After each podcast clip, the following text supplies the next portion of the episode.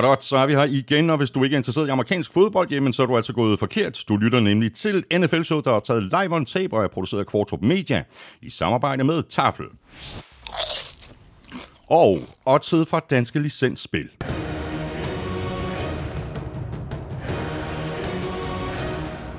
Husk, at man skal være minimum 18 år og spille med omtanke.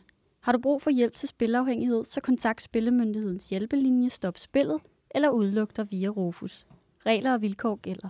Og så har vi også øh, BookBeat med os igen, og det betyder, at du får endnu en chance for at få øh, to måneders øh, gratis adgang til over 500.000 titler, både lydbøger og e-bøger. Sign op på bookbeat.dk-nfl, og så er den gid barberet. Mere om uh, BookBeat lidt senere her i uh, udsendelsen, hvor vi selvfølgelig går uh, alle kampene fra tredje spilrunde igennem, og så skal vi uh, også omkring ugens spiller have trukket lod om en kasse med masser af tafelchips. Tak fordi du er med os, tak fordi du downloader og lytter. Du ved, hvor du finder os. Det er alle de sædvanlige steder, og derudover så kan du som altid lytte på Danmarks største og bedste fodboldsite, gulklud.dk, og selvfølgelig også på nflshow.dk, hvor du jo øh, ovenikøbet har muligheden for at støtte os med et øh, valgfrit beløb ved at trykke på linket til tier.dk. Det ligger lige ved siden af linket til shoppen hvor du køber lidt af vores merchandise. Jeg hedder Thomas Kvartrup, og her kommer min medvært. This is Luke Rosa of the Cleveland Browns. Hi, Ohio for Cleveland.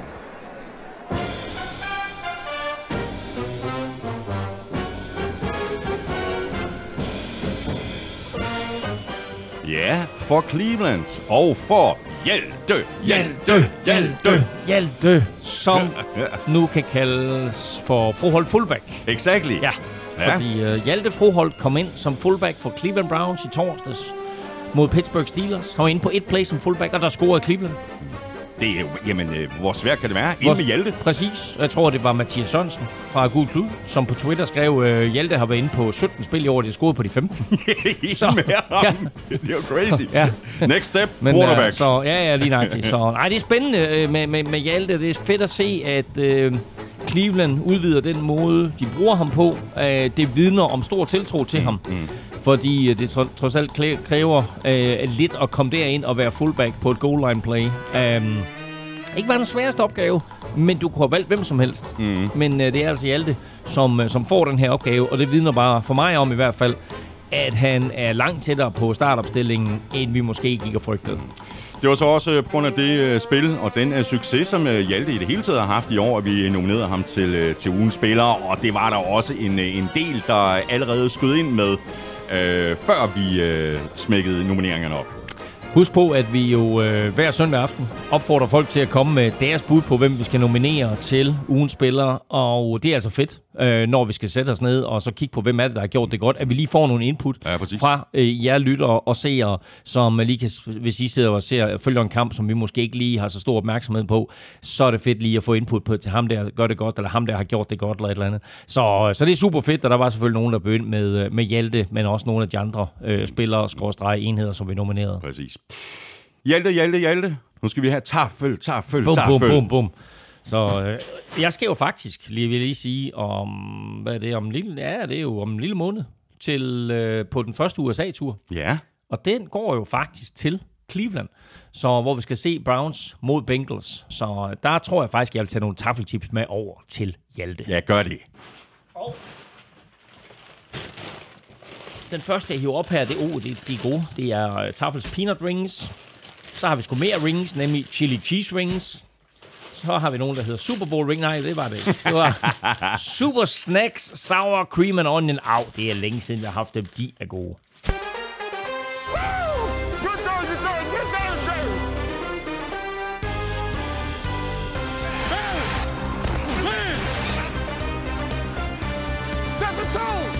Tredje spillerunde skuffede mildt sagt ikke. Endnu en gang fik vi store overraskelser og sene comebacks, og selvom der er et par hold, der måske ser stærkere ud end alle andre, så er der nu kun to ubesejrede mandskaber tilbage og et uden sejr.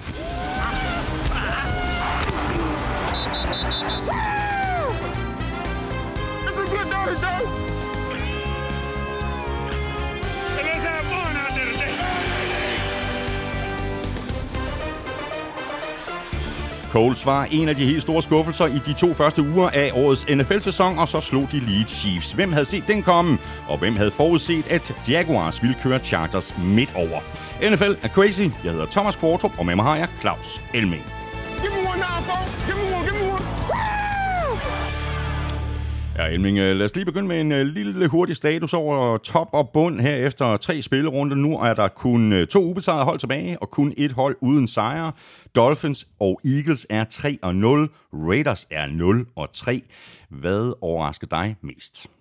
Jeg tror, det overrasker mig mest, at jeg tror faktisk, at, at Raiders er 0-3, som det eneste mandskab, overrasker mig mest. Altså, øh, det, er, det er lidt utroligt, at, og, og det er NFL's våde drøm, at de har så stor jævnbyrdighed på tværs af ligaen, at øh, der er 29 hold, som enten er 1 og 2 eller 2 og 1, og så har du lige Colts og, og Texans der, der spiller uafgjort og så videre, og forvirrer øh, lidt det hele. Men ellers, at du har øh, 29 hold på det her tidspunkt, ja. som er så jævnbyrdige, ikke? og så har du de to tophold der med 3 og 0, og så Raiders i bunden. Øh, og det, øh, det, det er fedt, øh, og det er lidt interessant at se, hvor langt Eagles de kan køre den her. Fordi som vi talte om i vores optagsudsendelse, så da jeg sad sådan og gennemgik deres kampprogram, så havde jeg dem til at gå 15 og 2. Ja. Og den måde, de har startet sæsonen på, der ser de virkelig, virkelig skarpe ud. Ja. Der var selvfølgelig øh, en del øh, skader, også i øh, tredje spillerunde. Vi kommer omkring øh, nogle af dem i løbet af udsendelsen, når vi går kampen igennem. Lige nu, der skal vi lige et øh, smut omkring Washington Commanders og... Øh, deres ejer, Daniel Snyder, det virker til, at øh, nettet begynder at stramme lidt. Der er i hvert fald øh, muren i krone hos de andre NFL-ejere. Altså Daniel Snyder har jo gjort sig uheldigt bemærket i flere sammenhænge, øh, både internt og eksternt, og der er noget cheerleader halløj, og der er noget, nogle e-mail, noget e-mail halløj, og der er noget forfærdeligt. Øh, den ene vej og den anden vej. Øh, også set med NFL-øjne, set med NFL-ejernes øjne, så er der også det her med, at han angiveligt har snydt de andre mm. NFL-ejere for nogle penge. Præcis. Øh, og især det sidste er jo forfærdeligt i deres øjne. Yeah. Ikke? Altså skråt op med krænkelser og alt muligt andet. Du skal fandme Men, ikke snyde os for nogle penge. Der sætter vi grænsen. Ja, der sætter vi. Nå. Øh, der er et NFL-møde, øh, sådan et fælles ejermøde i midt oktober. Og der er altså nogle rygter frem om, at øh, der vil der blive frem, øh, fremsat et, øh, en, en misteløs-erklæring øh, imod, imod Daniel Snyder. Og så skal der stemmes, det kommer ikke til at blive gjort der i midt oktober, men så skal der nok til det næste ejermøde stemmes, om de simpelthen vil smide ham ud som ejer. Det kræver tre fjerdedele øh, stemmer for, og det vil sige øh, 24 ud af 32, eller 24 ud af 31, fordi han selvfølgelig selv stemmer for at, at skulle blive. Men øh, det er lidt spændende at se, hvor den der sag den ender hen. Ja, mildt sagt. Så kom det jo frem i, i går, at det er slut med Pro Bowl, i hvert fald sådan, som vi har været vant til at se uh, Pro Bowl. Uh, nu gør NFL faktisk sådan, som vi har talt om i flere år, at de burde gøre, i stedet for den her pseudo-kamp, uh, så vil der blive afholdt uh, det, der kommer til at hedde The Pro Bowl Games, med masser af forskellige konkurrencer i football skills hen over flere dage, ja, næsten en ja. hel uge, ikke? Og så skal der også lige spilles en, en kamp om uh, søndagen før Super Bowl. Det bliver så flag football. Det bliver flag football, og så bliver det spændende at se, hvad, hvad, hvad det bliver for noget, for det bliver nok ikke 11 mod 11, men altså det bliver en eller anden opvisningskamp mm. og så videre, men der bliver stadigvæk udvalgt spillere til Pro Bowl, som man kan stadigvæk have på sit CV. Jeg var i Pro Bowl, og der er også mange kontrakter stadigvæk jo, som har skrevet i, du ved, bliver du udvalgt til Pro Bowl, mm. så bliver der udløst en eller anden bonus, så det er svært for NFL bare at afskaffe øh, begivenheden. Men altså det, de så gør, det er, at de tager flag football ind, og det gør de både for NFL-spillerne, men det gør de også for resten af USA, og for den sags skyld resten af verden. Så det er også NFL's måde Præcis. og udbrede fodbold på til resten af verden, og sige, her er der faktisk en fed måde at komme i gang med at spille fodbold på, og til at se fodbold, og så håber vi på, at du på et eller andet tidspunkt øh, køber øh, merchandise eller billetter til kampen i Europa, eller måske i USA, whatever. Så de er hele tiden i den her proces med at udvide øh, deres marked. De kommer ikke bare til at opgive den her Pro Bowl nu. Den kommer til at se markant anderledes ud, og helt præcis hvordan ved vi ikke endnu. Men øh, godt, at de har droppet den der øh, kamp, som jo endte med at være en mærkelig kamp. Det var ikke engang en showkamp, det var pinligt til sidst. Ja, ja det var det virkelig.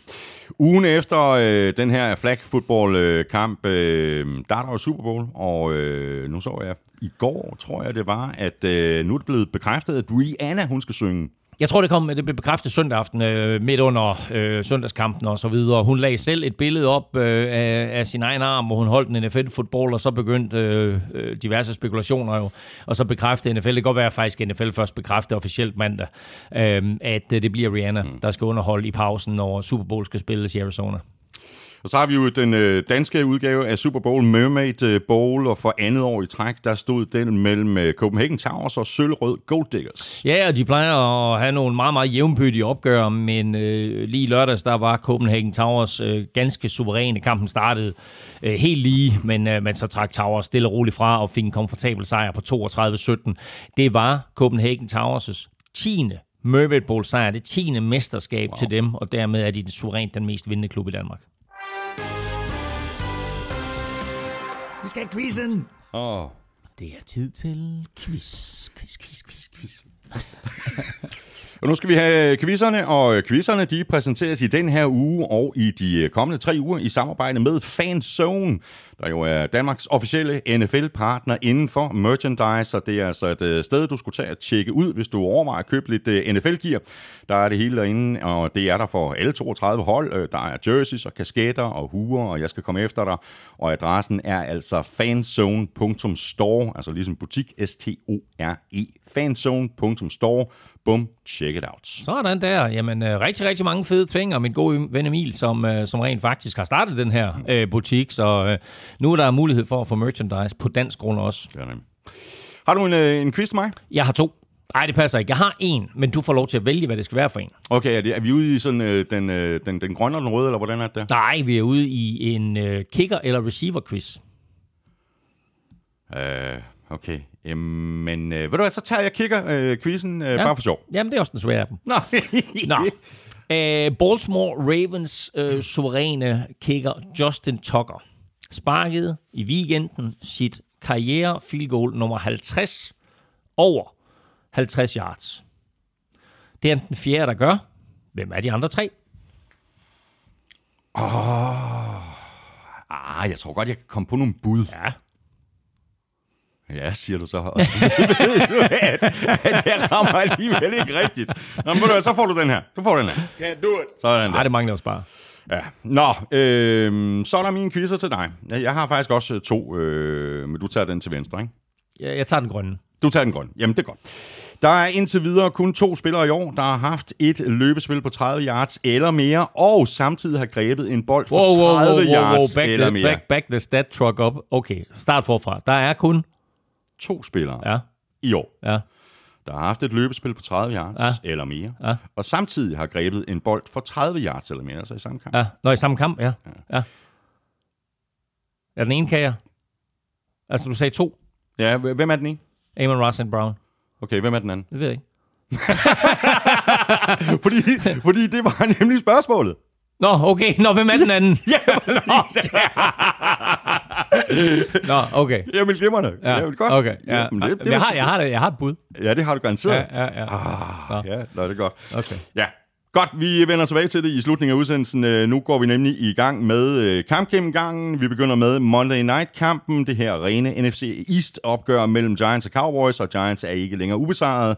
De tabte nemlig med 23-16 i en kamp, hvor der øh, længe var stillingskrig, og holdene fulgte sad med field goals. Så kom der pludselig point på tavlen til sidst i kampen, mod Elming CD Lamb havde jo et øh, kæmpe drop øh, undervejs, men endte øh, så alligevel med at blive den, Wow. øh, den store held for Cowboys. Wow. Prøv at, som jeg nævnte i sidste uge, så har jeg ikke været helt solgt på ideen om, at han skal være første receiver hos Cowboys og have det legendariske Cowboys nummer 88. Og i anden quarter, i en helt tæt kamp, der taber han totalt fri en dyb bold, som han bare skal gribe, som han bliver betalt for at gribe. Heldigvis for Cowboys, så kommer det ikke til at betyde noget, og heldigvis for Cowboys, så kommer CD Lamb tilbage i anden halvleg med 4-5 øh, store catches. Ved stillingen 13-13, der går Cowboys efter den på 4 down og 4. Det er faktisk en meget, meget markant situation i kampen. Det er en stor chance for Cowboys at gå efter den her. Hvis de ikke får den, så får øh, Giants bolden i en forlagtig position. Får de den, så, øh, så er der en, en vis sandsynlighed for, at de scorer og måske kan afgøre kampen. 4 down og 4. CD Lamb løber 4 en kvart yard. Cooper Rush hammer bolden ind i brystkassen på ham. CD Lamb bliver knust, men han holder fast og griber den til en første down. Og så et par plays senere, der scorer han bare et super... Det var ligesom om, det gav ham lidt selvtillid, det der. Et par plays senere, så scorer han bare et super lækkert touchdown ned i venstre hjørne af endzonen, hvor han med en hånd griber bolden og lige når at få begge fødder ind. Dommeren stikker armene i vejret, og alle andre kigger bare og siger, greb han den, var han inde. Sindssygt, Og- og det var han. Sindssygt lækkert catch. Øhm, han havde fire catches for 48 yards øh, på det touchdown drive, og kun tre catches for 39 yards i resten af kampen. Ja, det er crazy, ikke? En af grundene til, at jeg tog øh, Giants i picks, øh, er jo, øh, fordi Dak sidder ude med sine øh, skader, og derfor er det altså backup quarterback øh, Cooper Rush, øh, der starter for Cowboys. Men hey, øh, det går sådan set rigtig fint. Øh, nu har han vundet begge kampe, han har startet i år. Ja, og faktisk er han jo oppe på tre vundne kampe, fordi han vandt jo også sin eneste kamp, han spillede sidste år. Øh, der er allerede kommet sådan et slogan øh, blandt Cowboys-fans med øh, In Rush We Trust. øh, hvor han er undrafted og kom ind i ligaen i 2017, og fra 17 til 19, der var han kun inde i fire kampe, øh, når Cowboys var langt foran i fjerde kvartal. Han havde en completion for tre yards i de tre år der. Øh, lidt sjovt, var han så lige omkring nattens modstander Giants i 2020, inden han så kommer tilbage til Cowboys i 2021, kommer ind, spiller en kamp for en skadet Dak Prescott, vinder over Vikings, og nu har han altså vundet de to kampe, som han har spillet i år, og derfor var der også en af vores lyttere, som nominerede ham til ugens spiller, fordi han er den eneste startende quarterback, der aldrig har tabt, tabt en grundspilskamp. Ja, det er rigtigt.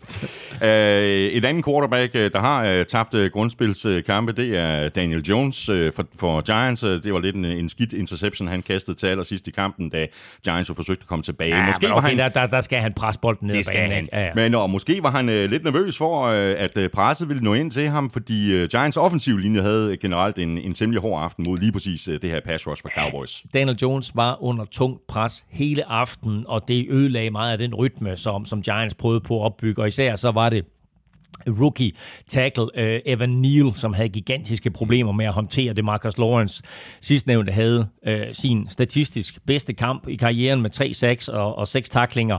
Uh, øhm, det hjalp ham også lidt selvfølgelig at øh, Cowboys eller Giants havde så stor fokus på øh, Micah Parsons, øh, som de trods alt havde. Øh, de havde to mand på ham, øh, mere eller mindre hele tiden.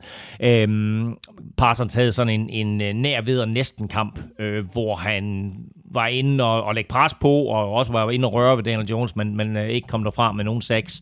Øh, til gengæld havde Giants offensiv linje lidt mere held med det, når der skulle løbes, og øh, Saquon Barkley havde endnu en øh, kanonkamp med 126 yards samlet, øh, og lavede i øvrigt også lige et super lækkert 36 yard touchdown løb, hvor han starter op i højre side, og så skærer tilbage til venstre og løber fra alt og alle.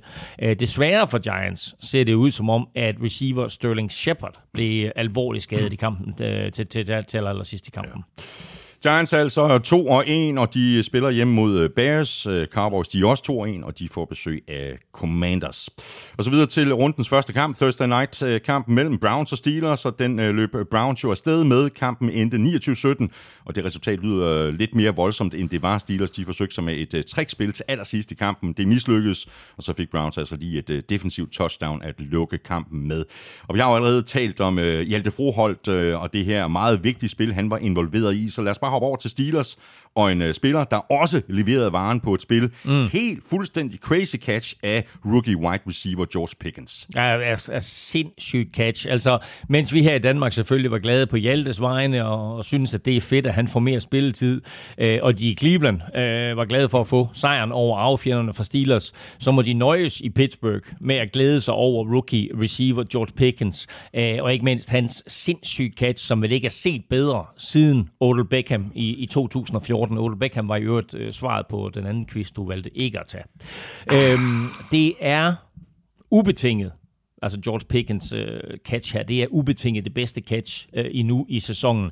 Og altså, jeg tvivler på, at der bliver lavet et, øh, der er bedre. Øh, enhånds catch, øh, liggende vandret øh, i luften øh, på ryggen med armen sådan udstrakt ud over, øh, bag over hovedet, hvor han nærmest crazy. ikke kan se bolden. Øh, og, og det klip der er naturligvis gået viralt, og har man ikke set det, så, så er det ind på YouTube eller Twitter øh, og finde det. Øh, og det vilde, og det vilde det hele, jeg tror faktisk, at det var gået endnu mere viralt, hvis nu Steelers havde vundet kampen. Mm. Nu bliver det sådan lidt, hey, det var en fed kamp, og, og Browns vandt. Åh, oh, har du øvrigt set det her catch her? Ikke? Men vanvittig catch. Ja, virkelig. Og så er den øh, store nedtælling selvfølgelig i fuld gang i Cleveland. Øh, der er nok øh, rigtig mange, der er spændte på at se, hvordan holdet kommer til at se ud med Deshaun Watson som quarterback, øh, når han øh, vender tilbage efter sin karantæne. Indtil da, der er det jo øh, Jacoby Brissett, der skal holde øh, bussen kørende. Det gør han faktisk udmærket. Han spiller godt. Han spiller rigtig godt, og altså helt ærligt, Browns skulle jo have været 3-0 på nuværende tidspunkt, men den der fadese i sidste uge mod Jets kan jo komme til at koste dem dyrt på den lange bane.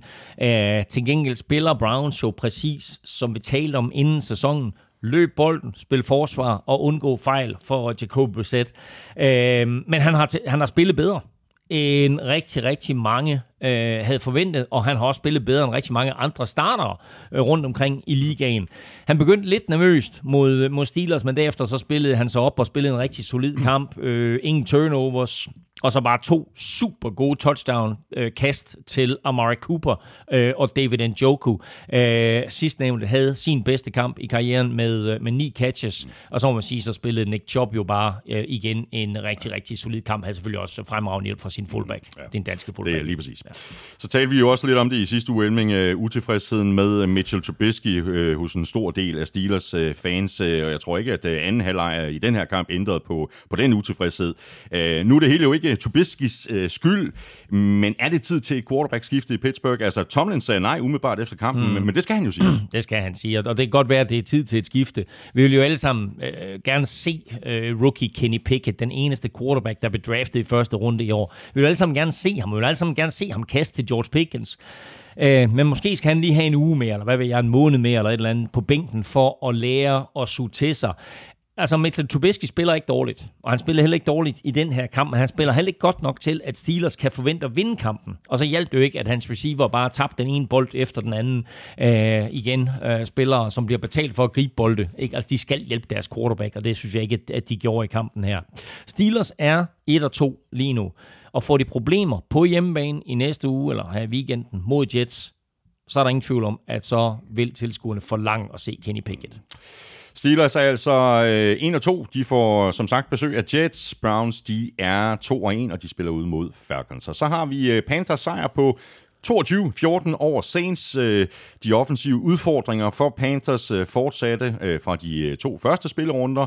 Forsvaret steppede så op, og holdet skabte den første turnover i år, da Frankie Luvo fremtvang en, en fumble for Alvin Kamara, og Marquis Haynes returnerede den bold for touchdown. Det her det må være en, en sejr, der lunede i Carolina, fordi det her var Panthers første sejr siden november sidste år. Jamen prøv, det er helt vildt jo. Tænk tilbage på sidste sæson, hvor de startede 3-0, og alt var fryd og gammel. For det punkt der vandt de kun to kampe mere i 2021, øh, og Matt Rules øh, bagdel øh, hang lidt i vandskorben. Øh, faktisk havde Panthers jo tabt øh, inden søndag ni kampe i træk, og 14 af de sidste 16 kampe. Og de havde ikke vundet på hjemmebane siden 19. september sidste år. Så altså over et år uden sejr på hjemmebane. Så det her, det var en vigtig sejr for holdet og for dets hårdt prøvede fans, og ikke mindst for, for Matt Rule. Man kan sige om ham, at han er jo fra første fløjt har satset på forsvaret, og det gav jo så bonus med den første scoring, der var et 42 et fumble return, øh, efter øh, Panthers nærmest flod bolden ud af hænderne på Alvin Kamara, øh, som var tilbage fra sin skade. Som jeg sagde lige før, så er der jo øh, stadig rigtig meget. Der er sådan lidt op ad bakke for, for det her Panthers angreb, inklusive spillet fra, fra Baker Mayfield. Øh, han ramte på 12 kast et af dem var så en øh, forholdsvis stor succes, hurtig kast til øh, LaVisca Chanot, der så vekslede den completion til et øh, 67-yard touchdown. Ja, og Chanot er kommet til fra, fra Jaguars, man har aldrig rigtig fået forløst sit potentiale i NFL. Øh, han har endda siddet ude de to første kampe for Panthers, men her der var han altså omklædt for første gang. Han greb to bolde, som i øvrigt var flest for nogle spillere, øh, nogle Panthers-spillere. Øh, den ene for 23 yards, og så den anden for 67 yards, hvor han snød et par mand, og så sprintede fra resten af Saints forsvar. Men ellers så synes jeg ikke, at øh, Baker Mayfield ser super komfortabel ud, eller, eller, eller ser særlig præcis ud. Mm. Øh, han completer et kast til DJ Moore hele kampen for to yards. Altså hans super receiver DJ Moore, ikke? Altså et kast completer han til ham. Øh, til gengæld må vi sige, at, at lidt ligesom vi har talt om, så har Panthers jo stille og roligt kørt øh, Christian McCaffrey i stilling. Så der, der er han faktisk inde og løb bolden 25 gange. Klart flest for ham indtil videre i år og får over 100 yards. Og nu sagde du så øh, omkring øh, Baker Mayfield, at han ikke er sådan, øh, han ser ikke specielt komfortabel ud, og han er heller ikke specielt præcis. Det er James Winston altså heller ikke øh, sådan specielt øh, præcis. Men øh, rookie, wide receiver for Saints, Chris Olave, han spillede til gengæld en, en stor kamp. Øh, det kom så øh, lidt på en dyr baggrund. Ja, øh, vi har talt meget om de her øh, rookie receiver, der blev taget i første runde, og de gør det faktisk mere eller mindre godt. Øh, alle sammen. Søndag havde Saints rookie Chris Olave sin hidtil bedste kamp. Han greb ni bolde for 147 yards, og der var altså flere ganske spektakulære, dybe catches imellem. Øh, Saints var bare totalt ineffektiv i red zone, og brændte også øh, to korte field goals. Øh, og derfor fik Rick mange point ud af Olaves øh, flotte kamp. Og øh, som du siger, øh, Winston var, øh, var upræcis meget, øh, langt hen ad vejen. Og Olave ender også med at blive Winstons foretrukne våben, fordi Saints mister Michael Thomas, Jarvis Landry og Traquan Smith Ja, præcis. til, øh, til skader i løbet af anden halvleg. Mm. Panthers, de er 1 og 2. De spiller hjemme mod Cardinals. Saints, de er også 1 og 2, og de spiller hjemme mod Vikings.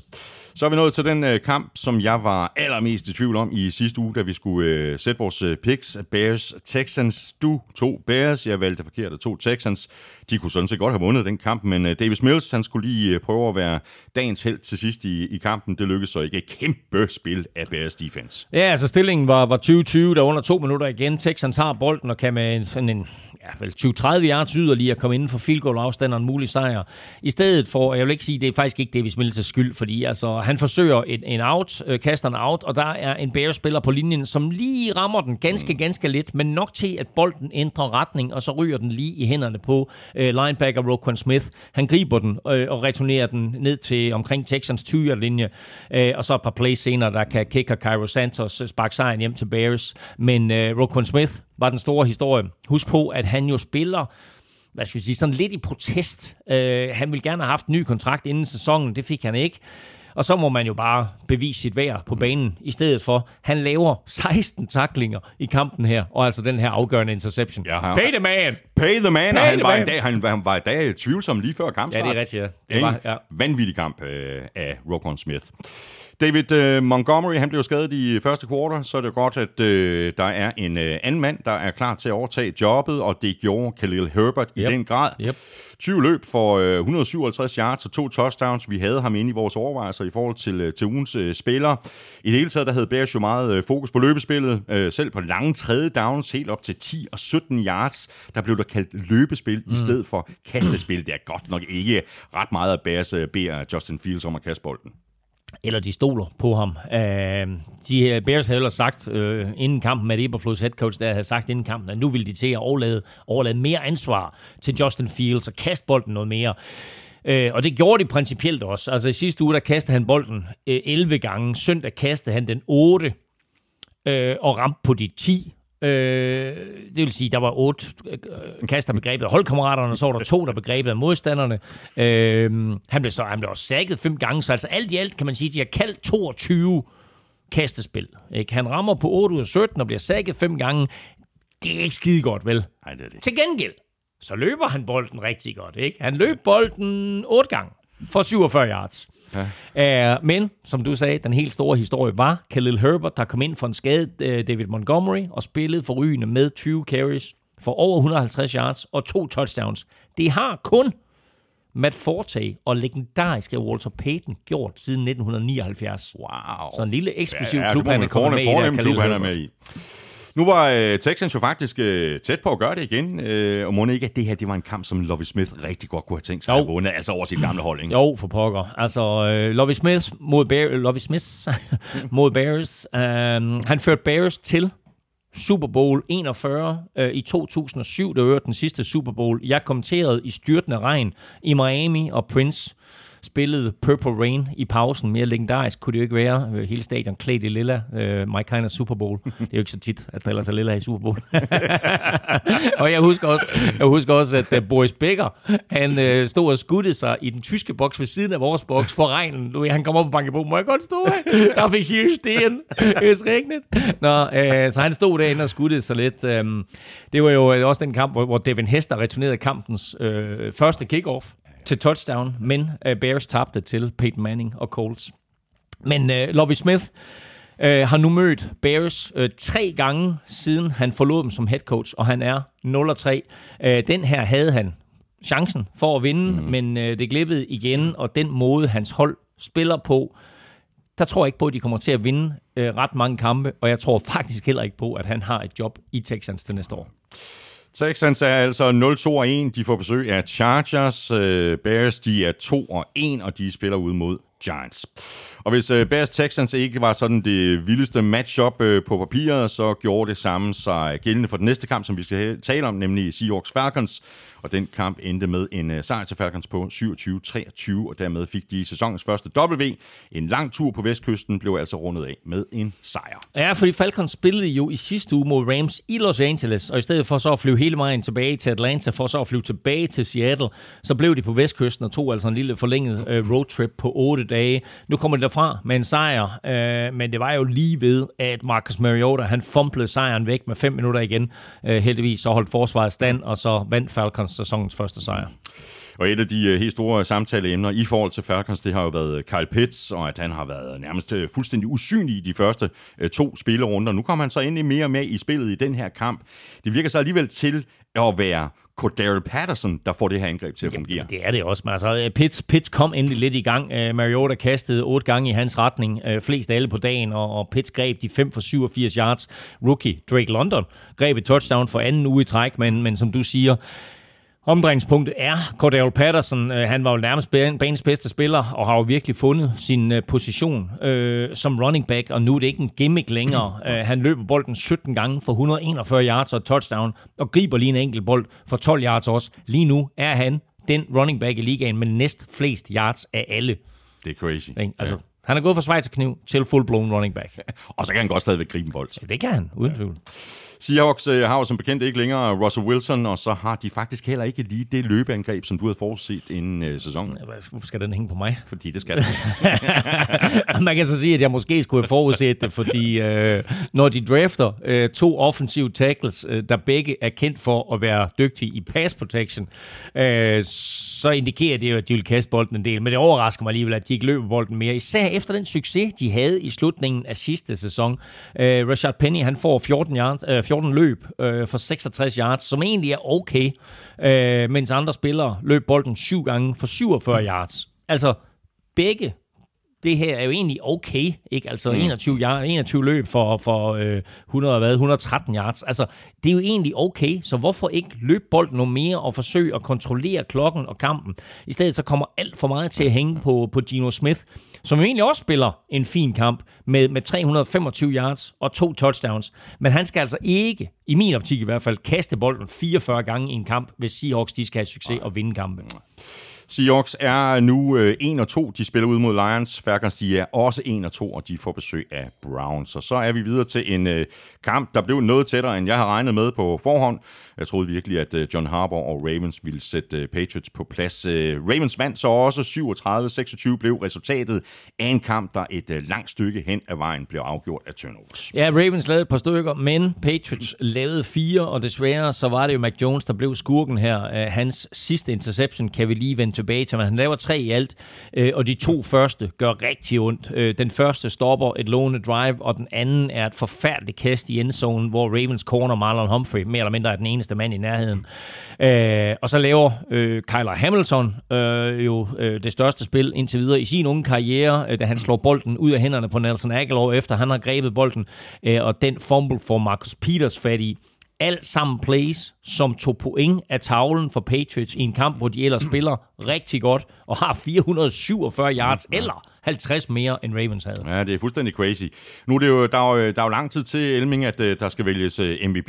Men altså, produktionen fra Lamar Jackson mm. fortsætter jo bare. 218 ja. yards og 4 touchdowns, plus 11 løb for 107 yards og 1 touchdown det er der altså ikke mange, der gør ham øh, kunsten efter. Han må her efter tre uger, så må han være en tidlig kandidat til den her MVP-titel. ja, der er, jo, der er selvfølgelig flere om budet, og hvor vi jo tænkt, Josh Allen, mm. allerede inden sæsonen i gang, så ligner Eagles Jalen Hurts en uh, mulig kandidat. Ja. Der er nogen, der nævner Tua Tonga Vi kan ikke komme ud om Cooper Rush. og så er der, så er der Lamar Jackson. Han har været forrygende i de sidste tre uger, hvor han har stået for 12 touchdowns. I sidste uge, der fortalte jeg den her statistik med, at der var i, i NFL-historien, var det sket seks gange, at en spiller havde løbet for 100 yards og kastet tre touchdowns, og de tre af dem stod Lamar for så gør han det kunne hjælpe med to uger i træk. Så nu hedder statistikken, der er syv gange, er der en spiller, der har løbet 100 yards og kastet for tre touchdowns, og Lamar står nu øh, for de fire. Så øh, imponerende, hvad han har præsteret øh, indtil videre, og... Øh, den måde, som... Altså, det er klart, at, at, som du også nævnte i sidste uge, Ravens vil gerne have mere gang i deres running backs. Mm. Men den måde, som løbeangrebet fungerer på, der ser vi bare Lamar Jackson altså få 100 yards uge efter uge. Ikke? Så det er jo en integreret del af den måde, de løber bolden på. Og så så det jo faktisk ud til at være en, øh, en slem skade, som øh, Mac Jones fik til øh, allersidst i, i den her kamp, og det er selvfølgelig synd for, for Mac Jones selv, og så er der altså også øh, dårlige nyheder for Patriots. Uha, det kunne næsten ikke være værre. Altså, han kaster en interception der til allersidst, som, øh, som definitivt afgør kampen, og på det play, der bliver han også taklet meget uheldigt af Calais Campbell. Øhm, han ligger og skriger sin smerte øh, ud på banen og bliver hjulpet ned i omklædningsrummet. Jeg så et, et, et ret vildt billede her, øh, som selvfølgelig var uden lyd, men du kan, du kan se, at han bare med åbenstående mund Der, hvor han, hvor han, han er på, på vej ned ad trappen, Ja, bliver på vej ned ad trappen, der, ja, er der skriger han også. Der, der, kan du, du kan se på det billede, at han skriger. Det er altså et par minutter efter, det er sket, så han har været voldsomt smade, øh, smade øh, voldsom smerte. Det var en kombination af smerte og skade. Øhm, I første omgang var det jo meldt ud, at det var en forstuet ankel, men nu er der altså tale om, at det kan være en ret alvorlig ledbåndsskade i anklen, og det kommer altså til at koste ham øh, flere ugers pause. Øh, om det bliver to, eller fire, eller seks, eller otte, det ved vi ikke rigtig endnu, men det er en lille katastrofe for, øh, for, for, for Patriots. Og så er det så enten øh, velkommen tilbage til Brian Hoyer, eller ind med Bailey Zappi, som Ja. der er mange, der, der, der råber efter. Så må vi se, hvad han kan. Og så lige en lille hurtig uh, stat, som ikke har noget som helst med det at gøre, men det er bare lige en kicker-stat, nu du har valgt kicker-quizzen. Nick Folk scorede på et 35 field goal i anden kvartal. Han har nu ramt på 57 field goals i træk inden for 50 yards, hvilket er NFL-rekord. Sådan der. 57 i træk. Sådan. Patriots, øh, de er 1 og 2. De spiller ude mod øh, Packers. Ravens, de er 2 og 1, og de spiller et brav af en kamp hjemme mod Bills. Og så skulle øh, Jets jo forsøge at følge op på øh, sæsonens første sejr, de havde nok øh, ekstra blod på tanden over for et øh, mandskab, der endnu ikke havde vundet en kamp i år. Det har de så nu. Bengals, de kom bullerne fra start og endte med at vinde med 27-12 på udebane over Jets. Og ja, øh, Bengals øh, er der måske ikke helt endnu, mm. men det lignede da lidt af det, som vi, vi så fra dem sidste år. Altså faktisk både på, på forsvar og på angreb. Ja, og øh, jeg tror, det var godt, de mødte Jets, fordi Jets ikke er et særligt godt mandskab. Øh, godt nok så vinder Jets i sidste uge den der vanvidskamp over Browns, men, men ser man på den her kamp, så er det helt tydeligt, at Bengals er et bedre mandskab end Jets. Så det var måske lige den kamp, som Bengals og Joe Burrow havde brug for, og det han havde brug for at bevise et eller andet Joe Burrow efter, efter de der to nederlag til at åbne sæsonen. Øh, han starter kampen her med et touchdown på sin allerførste angrebsserie, hvor han i øvrigt havde nogle ret vilde stats. Prøv lige at høre det her. Bengals starter den angrebsserie på egen 25-linje. Det vil sige, at de har 75 yards til et touchdown. Burrow, han rammer på 8 ud af 10 kast for 95 yards og touchdown. Jeg synes fuldstændig, du sagde børge. Ja, det var Burrow. men jeg synes bare, det er sjovt, det der med, at de har 75 yards, og han trods alt på første drive kaster 95 yards, men det var selvfølgelig på grund af, at der var et par ja, penalties. Ja. De, uh, de fik jo uh, to touchdowns annulleret på det drive, så det var først tredje gang, at de fik den ind i endzone, at den rent faktisk talte. Uh, så var vi ligesom i gang. Uh, resten var ikke helt så imponerende, uh, men det var trods alt bedre end det, vi har set i de to første uger. Uh, Burrow blev også kun sækket uh, to gange, så det var da også en bedre dag øh, for den offensive linje. Mm. Og så blev øh, Joe Mixon jo skadet. Til, det åbnede så døren for en anden spiller, nemlig Samar J.P. Ryan. Ja, jeg tror ikke, det er så slemt med, med, med Joe Mixon, der vist red, red rundt på anklen, men uh, P. Ryan spillede sin bedste kamp længe. Uh, han åbnede scoringen med, med touchdown-kast, og så løb han bolden ni gange for 47 yards. Og jeg synes faktisk, han så bedre ud mm. øh, end Joe Mixon. Øh, måske fordi Jets forsvar ikke fokuserede så meget på ham, som de ville have gjort på, på en Joe Mixon. Øh, Jets lukkede også ned for, for Jamar Chase, men det åbnede så døren for T. Higgins og Tyler Boyd, der greb øh, ni bolde for små 200 yards til sammen. Joe Flacco, han var jo øh, en af de øh, helt store helte for Jets i sidste uge. Han havde det godt nok svært i søndags. Det var ikke en god dag for ham. Uh, Flacco kastede to interceptions, og han fumblede to gange, i, i øvrigt begge øh, fremtvunget af Trey Hendrickson, der har haft en meget stille start på sæsonen, men var helt igennem forrygende i den her kamp. Øh, jeg tror, han havde tre sacks og to og en halv, eller to og en halv sacks, og jamen, det er jo helt, helt crazy kamp med ham. Øhm, men altså i alt fire turnovers øh, af Joe Flacco, øh, ugen efter han leverede det der vanvittige comeback mod Browns. Øh, og så skal man lige huske at nyde ham på søndag øh, imod Steelers, for jeg tror faktisk, at det bliver Joe Flacco's sidste kamp, inden øh, Zach Wilson kommer tilbage.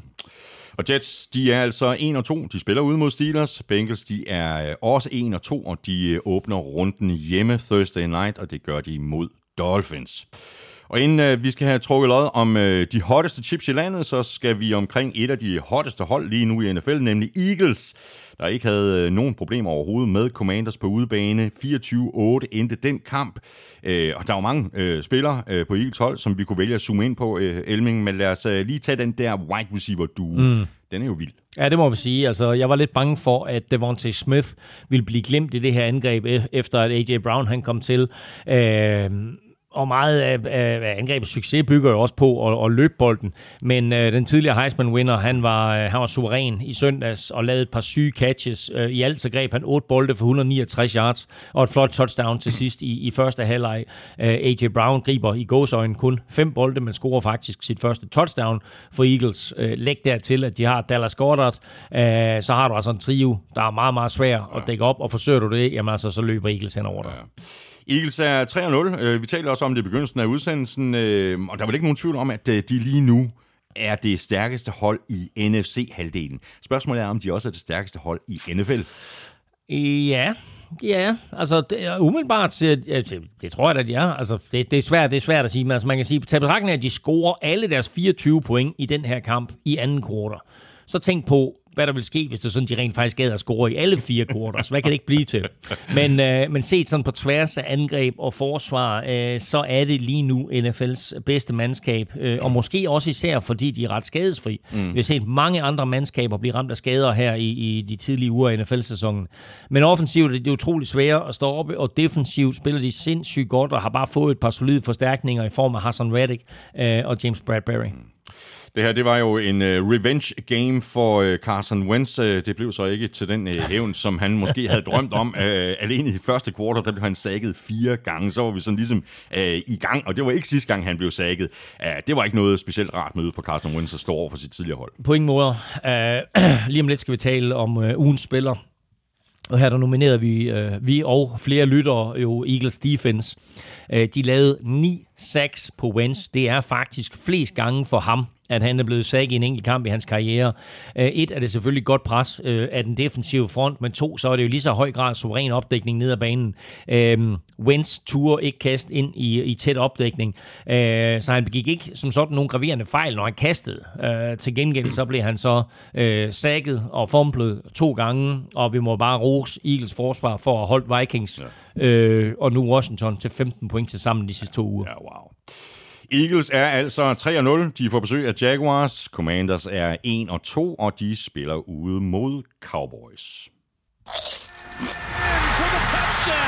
Wow! Ugen spiller præsenteres af Tafel. Så er vi øh, halvvejs gennem kampen, og det betyder, at det er nu, at vi skal have trukket en øh, heldig vinder af en øh, kæmpe kasse med taffelchips, og alle, der har chancen for at vinde, det er dem, der har budt ind på mailsnablag.nflshow.dk øh, i forhold til øh, de fire spillere, eller en hel enhed var det jo også tre spillere, som vi nominerede går på Twitter, Facebook og Instagram. Og øh, de var Trevor Lawrence, Lamar Jackson, Eagles Defense og så Hjalte Froholt. Nedefra der fik Eagles Defense 14% af stemmerne. Trevor Lawrence fik lige en øh, my mere, 15%. Lamar Jackson kom ind på en øh, flot andenplads med 23% af stemmerne, og det betyder altså, at den øh, suveræne vinder med hele 48% blev Hjalte Froholt. Hjalte, Hjalte, Hjalte. Lad os bare få trukket en heldig her, og øh, man skal faktisk være heldig, fordi der er godt nok mange sædler nede i den øh, tafelsæk. Øh, take it away, Elming. Det er dig, der er. Lykkenskud ind. Jeg tror heller ikke, vi har haft så mange stemmer på Facebook nogensinde. Øh, lynhurtigt var der over 200, der havde stemt, så, øh, og der var Hjalte selvfølgelig også en suveræn vinder. Jeg trækker en op her. Og der står Hjalte Froholt, og så tror jeg måske, at øh, Nikolaj her, han ser tæt på sandheden med Jonathan Spang. For der står bare ikke Hjalte, Hjalte, Hjalte, men Danmark, Danmark, Danmark, Danmark. Så, så vi mangler bare lige sådan, mangler bare sådan en, en, en konfetti-kanon. Vinder Nikolaj Svendsen. Jeg får sådan her. Uh, Nikolaj Svendsen, stort tillykke til dig. Jeg sender dit uh, navn og adresse videre til Norske Hånde på Tafel på toffel. Så tager han hand om det. Det var godt. det gør hun, og så får hun øh, sendt øh, den her kæmpe kasse med øh, taffelchips afsted til, øh, til dig. Vi gør det igen næste uge. Elming og jeg nominerer tre eller fire spillere, eller måske en øh, enhed, og det gør vi på Twitter, Facebook og Instagram mandag formiddag.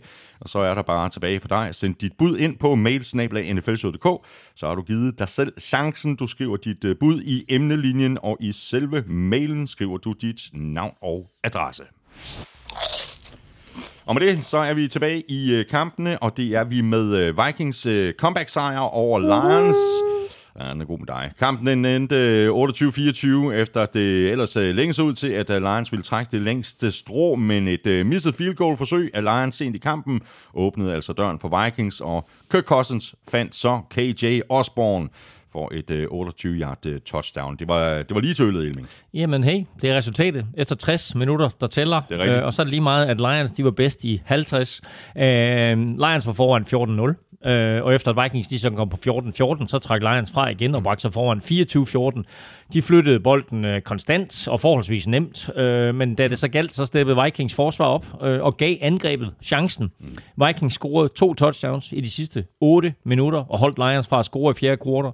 Øh, Kirk Cousins ventede med sit bedste kast til allersidst, hvor han fandt KJ Osborne, som i øvrigt snød den tidligere Vikings cornerback Mike Hughes, så der lugter sådan stadigvæk lidt af, af, af brændt løve dernede i højre hjørne af Ja, nu lykkedes det altså Kirk Cousins til sidst. Øh, Det var så ikke nogen øh, stor kamp af ham. Øh, Hans spil virkede sådan til at være, være ude af rytme. Altså 24 af 41 for 260 yards og så to touchdowns.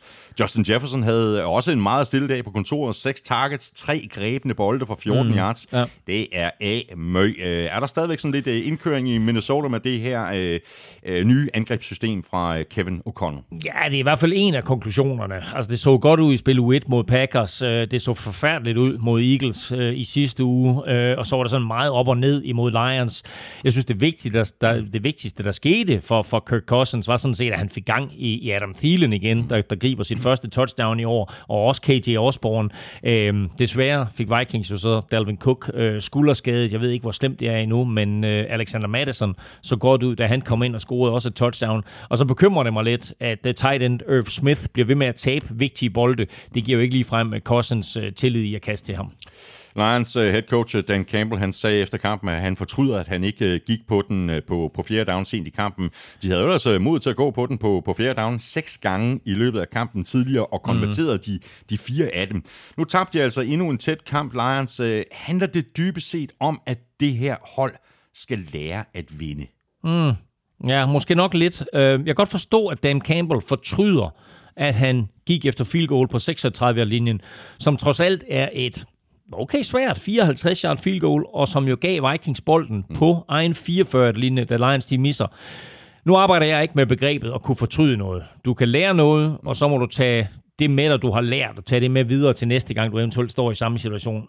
Men man kan også tage den et skridt videre, og så sige, at fint nok, at du er aggressiv på fjerde down, og at du langt hen ad vejen har succes med det, men så må du også leve med det, eller dø med det. Mm. Øh, den ene gang, hvor de misser på fjerde down, fører til et touchdown, og det her misset field goal fører til et touchdown for, for, for Vikings.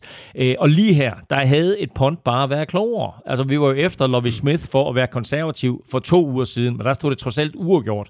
Her der er Lions foran, og de bør jo give Vikings 85-90 yards til et touchdown, i stedet for at give dem 56. Og man skal også lægge mærke til, at i og med, at de kun er foran med tre Lions, så har Vikings jo kun været 20 yards, 25 yards til et potentielt udlignende field goal. Så giv dem nu noget, noget bane at arbejde med, ikke? Altså lav et punt, spil konservativt, ikke? Det er også en måde at lære at vinde på. Ja.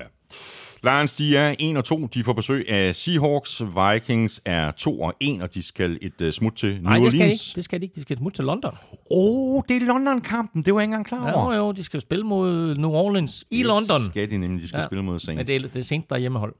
Vikings ja. bliver det første hold, som kommer til at spille på tre forskellige stadions i London. De har spillet på Wembley, de har spillet på Twickenham, og nu skal de så spille i Tottenham. Så fik øh, Titans jo rettet op på øh, tingene efter forrige uges øh, nederlag til Bills, hvor der ikke var øh, ret meget, der fungerede. Modstanderen denne gang var Raiders, og de var noget nemmere at have med at gøre, og Titans vandt så kampen med 24-22 efter at have ført ved pausen med øh, 24-10. Og Titans de kom flyvende fra start. De øh, scorede touchdowns på deres tre første angrebsserie. Kampen endte alligevel med at blive meget spændende til sidst. Ja, både den her, og så Box Packers, som vi skal tale om senere, ender jo med øh, brændte two-point conversions, der ellers kunne have udlignet til allersidst. Men øh, som jeg skrev på mit momentometer i sidste uge, car trouble in Vegas. Og jeg synes helt ærligt, at virkelig meget af de her øh, tre nederlag, som, som øh, Raiders har lidt i de tre første spiluger, øh, det hænger på Derek Carr. Altså han kaster en forfærdelig interception i endzone i fjerde kvartal, og hans two-pointer til, øh, til Darren Waller, som kan udligne. Det er jo både et mærkeligt play og et dårligt kast, og så trækker Titans og sejrsrigt ud af konlettet op. Det var jo en, øh, en rigtig god øh, første halvleg af Titans. 24 point på tavlen, øh, så ingen point overhovedet i anden halvleg. Øh, Ryan Tannehill kastede en interception, havde også en, en fumble. Øh, efter de to første nederlag til Titans, der var der jo allerede sådan begyndt at være en lille bitte smule øh, mumlen mm. i krogene om, hvorvidt øh, Ryan Tannehill han skulle bænkes til fordel for Malik Willis. Hvor lang snor har Tannehill? Jamen, nu er han lang igen. Uh, altså sejr betyder alt, og selvom Malik Willis kom ind i sidste uge, så ser han ikke banen, så længe Titans vinder. Uh, men efter en solid første halvleg, så laver Tannehill et par bonehead plays uh, i anden halvleg, som for eksempel den der interception, der er kastet lige i hænderne på Dwayne Harmon. Mm.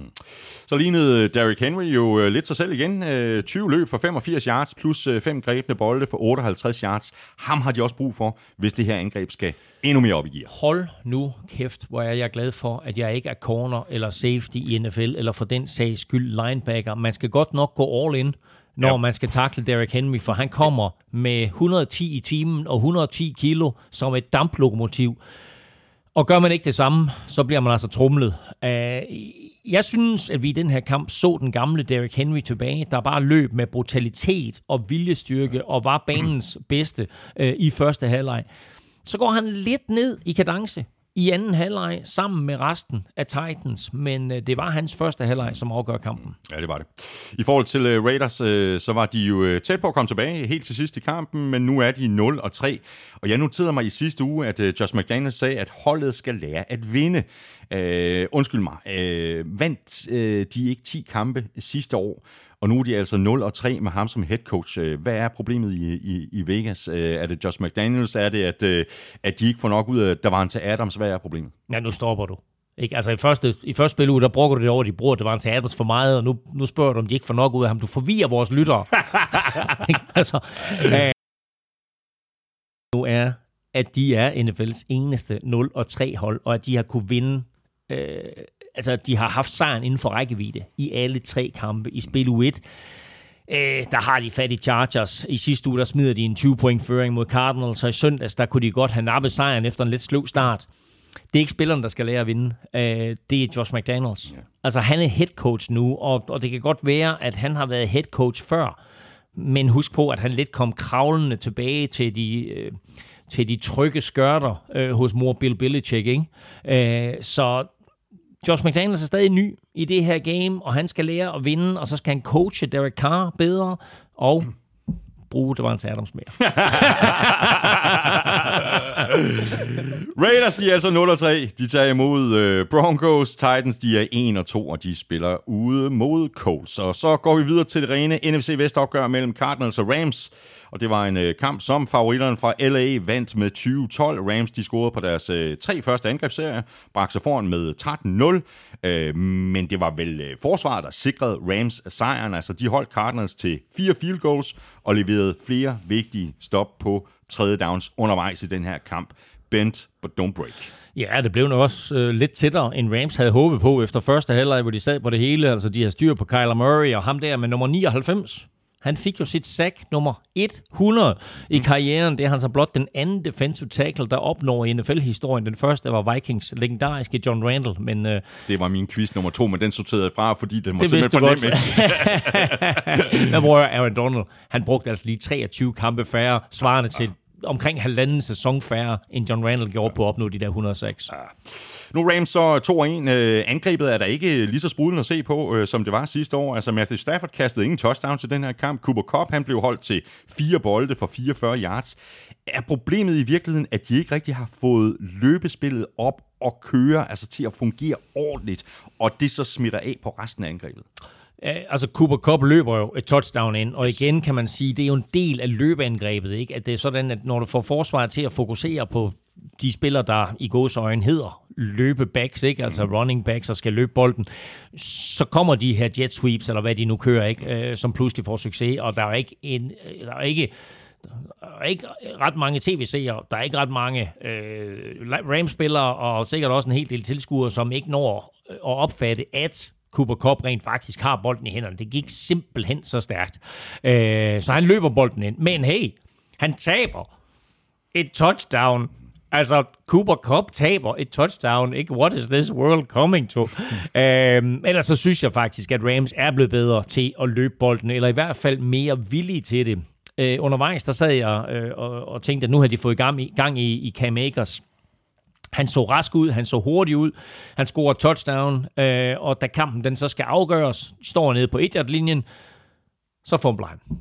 Øh, det er en kæmpe fejl, hvor Rams jo kan lukke og slukke kampen til 27-6. Øh, ah, 27-9 må det være. Øhm, men i stedet får Cardinals jo så bolden tilbage, skruer et langt drive sammen øh, og sparker field goal til, øh, til, til 20-12. Øh, de forsøger så et onside kick. Cardinals med 1-10 tilbage, men den får Rams fat i, og så var, så var kampen slut. Og i forhold til øh, Cardinals, så, så var det her jo endnu en, en kamp, hvor de skulle bruge rigtig lang tid på at komme i gang på angrebet. På deres øh, første fire angrebsserier, der genererede de 22 yards på 13 spil. Det er godt nok ikke ret meget, og så kom der sådan lidt mere svung over det senere i kampen. Ikke mindst øh, connection mellem Kyler Murray og Marquise Brown ser mm. rigtig god ud. Brown han greb 14 bolde for 140 yards, men det hele det virker sådan meget komprimeret. Der er ikke mm. rigtig nogen dybe bolde. Spørgsmålet er, om det kommer til at gøre en, en forskel for Cardinals for Kyler Murray, når DeAndre Hopkins han vender tilbage. Altså, de har ikke noget angreb i øjeblikket, og vi må håbe, at det ændrer sig, når DeAndre Hopkins, øh, DeAndre Hopkins han kommer tilbage, fordi ellers så bliver det en meget lang sæson for Cardinals og deres fans. Det er selvfølgelig lidt en overdrivelse, men lad os sige det på den måde, at de har ikke noget red zone øh, angreb. De kan simpelthen ikke få bolden ind, når de rammer red zone. Øh, de scorer øh, 12 point. Alle signerede kicker. Matt Prater, der rammer fra 23, 39, 41 og 49 yards. Så ingen Kyler Magi her. Ingen øh, Kyler Magi her. Ingen Kyler Murray Magi her. Ja, du, jeg bliver forvirret, fordi du sidder og peger på mig med guldvanden. Jamen, det er fordi Matt Prater, siger du. Det kunne måske være et meget godt bud der, oh, til ja. quizzen der. Oh, ja. Han er det. Tænk, ja, ja, ja. ja. Øh, hvis du lægger mærke til det, så nævner jeg jo ofte det svaret på quizzen i løbet af udsendelsen. Ja, jo jo. Så øh, der har du måske den tak, ene. Tak for der det. Har, der ja. har du måske, måske siger den ene. Nå, øh, som sagt, ingen Kyler Murray-magi, øh, som vi så øh, i sidste uge. Øh, dertil holdt Rams som simpelthen i, i for kort snor, øh, selvom han og Cardinals trods alt fik lidt mere plads i anden halvleg. Og Cardinals, de er 1 og 2, de spiller ude mod Panthers. Rams, de er 2 og 1, og de spiller ude mod 49ers, og det gør de Monday Night. Og 49ers, de skal altså levere på et øh, helt andet niveau, hvis de skal have en chance for at vinde den kamp, fordi der var ikke øh, ret meget at råbe hurra for i Sunday Night-kampen ude mod Broncos, en kamp, som Broncos vandt med 11-10.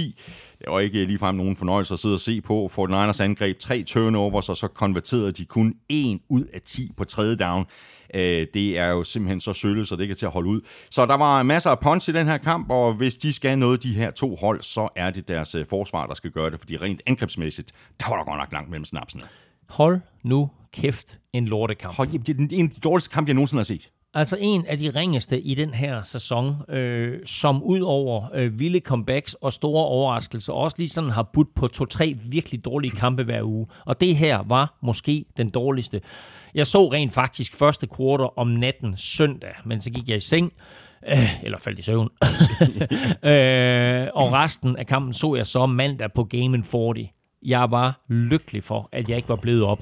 Altså 49ers angreb startede fint, men gik så helt i stå og så ved jeg ikke, hvad der er sket med Russell Wilson, men han er i hvert fald ikke pengene værd i øjeblikket. Nej, der er faktisk et øh, spørgsmål omkring uh, Russell Wilson fra Christian Brinker Norbæk. Han skriver bare sådan her, er det for tidligt allerede nu at være lidt uh, skeptisk i forhold til Russell Wilson? Ja, de har to sejre, men 43 point i tre kampe er ikke meget. Og så nævner han faktisk også Russell Wilsons uh, gigakontrakt. Ja, ja, lige nøjagtigt. Og, og, og jeg synes godt, at vi kan være lidt bekymrede, men altså okay, der er spillet tre kampe, og øh, han er kommet ind på et nyt hold i et nyt angreb med en ny head coach i en by med nogle kæmpe forventninger. Men vi må bare konstatere, at de tre første kampe her ikke har været prangende. Og der skal der snart andre boller på suppen. Øh, han har nogle meget ikke Russell Wilson-agtige kast i øjeblikket, hvor han sådan kaster i jorden, eller kaster helt forbi en receiver. Øh, så skal det lige siges, at der var også flere tilfælde søndag, hvor hans receiver taber bolden. Mm. Men det er ikke den Russell Wilson, som den, hvor de har givet en, en kvart milliard dollars for. Nej, det er det altså ikke. I sidste uge, der forsøgte vi jo at tage ja-hatten på i forhold til øh, Jimmy Garoppolo, og at uh, 49ers måske i virkeligheden uh, har en bedre chance for at nå langt med ham som quarterback, end med uh, Trey Lance, der jo blev uh, alvorligt skadet i begyndelsen af kampen mod uh, Seahawks i anden spillerunde.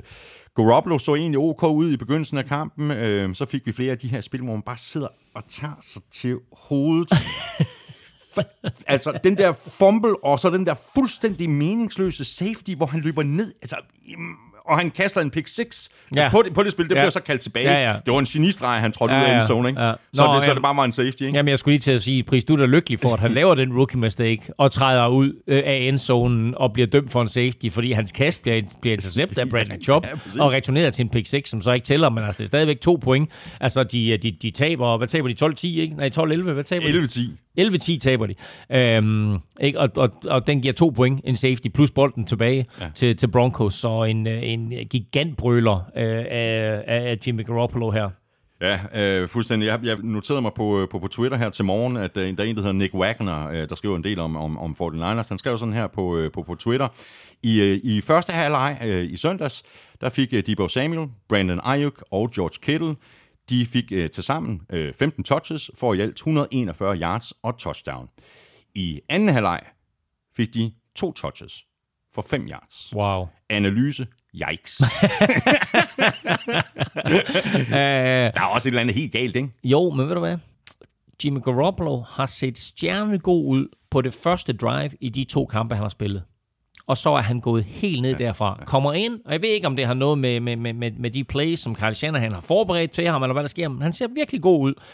Og så er det ligesom om, at så falder det hele fra hinanden. Han var forfærdelig i de sidste tre fjerdedele af den her kamp. Og altså, alle råbte jo på Jimmy Garoppolo og, uh, og Trey Lance, og du ved, og de kalder også for mange løb, og bla bla bla, ikke? Du ved, nu har de endelig fået, fået Jimmy Garoppolo ind. Nu ser vi, hvorfor det er. Ja at 49ers gerne vil gå i en anden retning end Jimmy Garoppolo. Hvad, hvad siger han ud over, ud over ham, du lige øh, refererede til her? Hvad siger medierne, hvad siger fansene i, i Santa Clara? Uh, people are not happy. Nej. ja, de er virkelig og, og, og, og der bliver diskuteret meget, utrolig meget omkring Carl Shanahan og, og hans uh, playcalling. Ikke? Mm. Altså, er, er det bare uh, Garoppolos skyld, at uh, Kittle og Ayuk og Debo Samuel får så få uh, targets i anden halvleg? Mm. Eller er det også Carl Shanahans skyld? Mm. I don't know. Men øh, det, det er der, vi, øh, vi er nu med, med Fort Niners til Jimmy Garoppolo, som jo har en, øh, en tendens til at blive skadet. Så hvor længe vi spiller med Garoppolo, øh, før vi skal videre til øh, syvende runde valget. Nå ja, men altså, han vandt ikke, så han fik ikke sin 100.000 dollars bonus, Nej, men, han, han, men han spillede, så, så han fik sin 250.000 dollars bonus, plus sin 29.000, ja. så han tjente 279.000 dollars i søndags. Ah, det er crazy. Det er han er ikke pengene værd. så, så var der to quarterbacks på banen, der ikke var pengene værd. For Niners, de er 1 og 2. De spiller hjemme mod Rams uh, Monday Night. Broncos, de er 2 og 1, og de spiller ude mod Raiders. Og så har vi uh, nået til en af rundens uh, helt store overraskelser. Jaguars, de slog nemlig Chargers på udebane med hele 38-10. Den var der ikke mange, der havde set komme. Vi havde i hvert fald ikke uh, Elming, men vi må jo bare sige, at det var fuldt fortjent, og at uh, Jaguars forstod at udnytte Chargers' fejl og turnovers i begyndelsen af kampen, hvor de jo hurtigt fik bragt sig foran. De spillede rigtig, rigtig solidt. Øh, Jaguars, de fik et par turnovers, som, som de så, synes jeg klogt, øh, valgte at sparke field goals på. Altså i stedet for øh, at sige, hey, vi har lige fået en turnover, det her det skal udmønte sig i touchdown. Så får de to turnovers, det giver dem 6 point, så er de foran 6-0, så får de touchdown, så er de pludselig foran 13-0. Så kommer Chargers en lille bitte smule tilbage, men øh, var slet ikke i stand til at håndtere det her Jaguars-mandskab, øh, hverken offensivt eller defensivt. Så det her var en rigtig, rigtig flot kamp af Jaguars, og det, det må væk til fra dem, og så kan alle tale om, at øh, Justin Herbert var skadet og så videre. Det her var en rigtig god kamp mm. af Jaguars, og det var også noget af et coming out party for Trevor Lawrence. Ja, vi øh, nominerede jo lige præcis uh, Trevor Lawrence til ugens spiller, og, øh, og det her, det er også den uh, bedste kamp, vi har set fra hans side, synes jeg. Og på forsvaret, der stemplede rookie linebacker Devin Lloyd øh, også ind, ja, det gjorde han sådan set også i, i forrige uge, hvor han havde en interception i kampen mod Colts. I den her kamp, der var han bare her, der og alle vegne med endnu en interception, syv taklinger og så tre kast øh, forsvaret. Jeg var lidt skeptisk, da, da Jaguars de draftede øh, Devin Lloyd, mest fordi jeg ikke synes, at de havde behov for ham, efter øh, at de havde hentet et par free agents ind øh, og, og betalt dem øh, dyrt. Men øh, hold nu kæver en tilføjelse. Han har været faktisk måske den bedste defensive rookie her indtil videre i, i 2022. Øhm, med hensyn til, til Trevor Lawrence, så glæder det mig bare at se ham spille, øh, som han gør i søndag. Altså, han rammer på, på øh, tre fjerdedel af sin kast. Øh, ingen interceptions øh, og tre gode, smukke touchdowns. Øh, især den der til Say Jones, hvor han improviserer, ruller ud til sin højre side, og så mens han løber, leverer en perfekt bold i bagenden af endzone til Say Jones, der selv er i fuld fart. Altså det er så vildt et spil, og det er så svært, at Trevor Lawrence får det til at se lejende let ud, og det her, det er den Trevor Lawrence, vi har glædet os til at se. Øhm, han har vundet kampe før, men som jeg sagde lige før, jeg synes, det her det var lidt hans coming out party. Ja, ja. Og så lige roser også jo til running back uh, James Robinson. Altså shit, hvor han bare er sjov at se ja, på. Ikke? Det er helt vildt.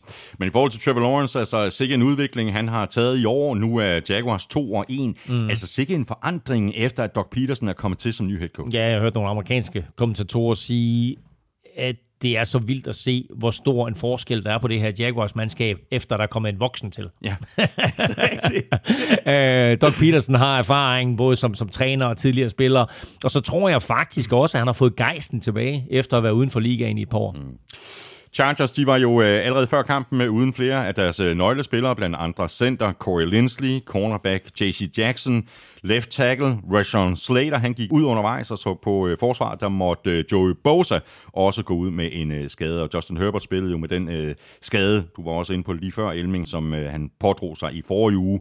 Han spillede egentlig okay, jeg synes jeg, 25 af 45 for 297 yards. Øh, det blev bare øh, ikke omsat til øh, point for Chargers vedkommende. Er det skaderne, der er, øh, der er forklaringen, eller er Chargers bare ikke lige så gode, som vi regnede med, at de ville være?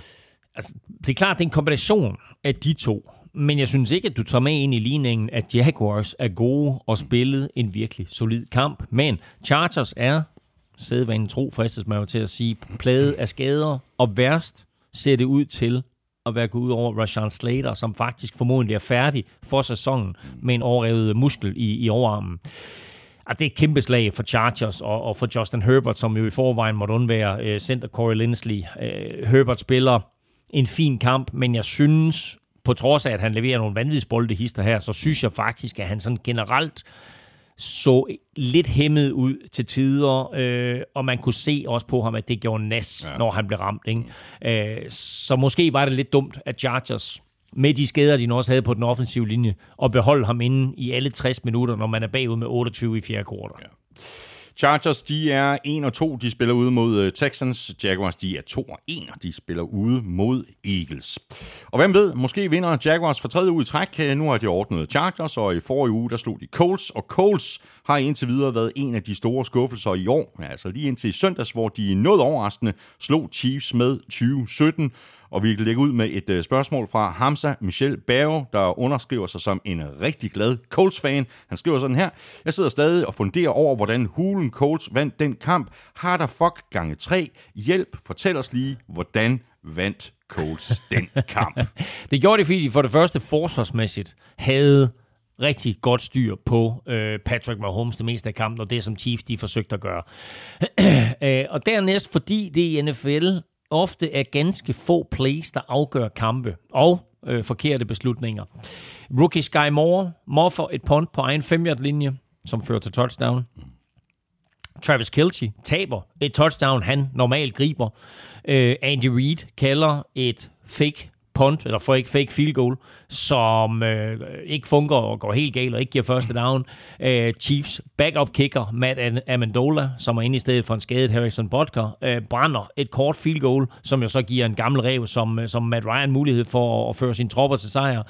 Øh, og øh, Chiefs angreb, øh, som sagt, altså Colts forsvar havde godt fat i dem. Chiefs angreb scorer kun de to gange, hvor de får bolden på Colts banehalvdel. De er ikke i stand til i løbet af hele den her kamp at sætte en angrebsserie sammen, der starter på egen banehalvdel og får touchdown ud af det. Så de får touchdown på de to, og så får de et field goal, og det er det, som, øh, som Holmes han, han, kan, han formår at lave øh, i den her kamp. Og så er det jo en katastrofe for Chiefs, at de ikke kan få gang i løbeangrebet. Men Holmes må ikke føre alle spillere hos Chiefs med 26 løbeyards. Nej.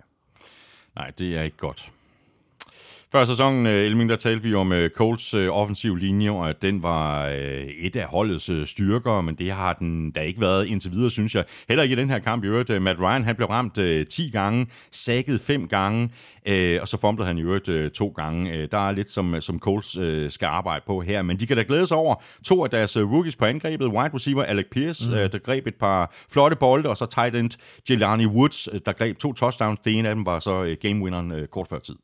Ja, ham kan vi lige vende tilbage til. Altså, de har øh, Coles gigantiske udfordringer på venstre tackle, øh, og, og det vidste vi jo egentlig godt. Altså, Eric Fischer øh, var ikke super god til sidst i sin karriere, men altså, der er bare et kæmpe hul på den venstre tackle, efter at han har trukket sig tilbage.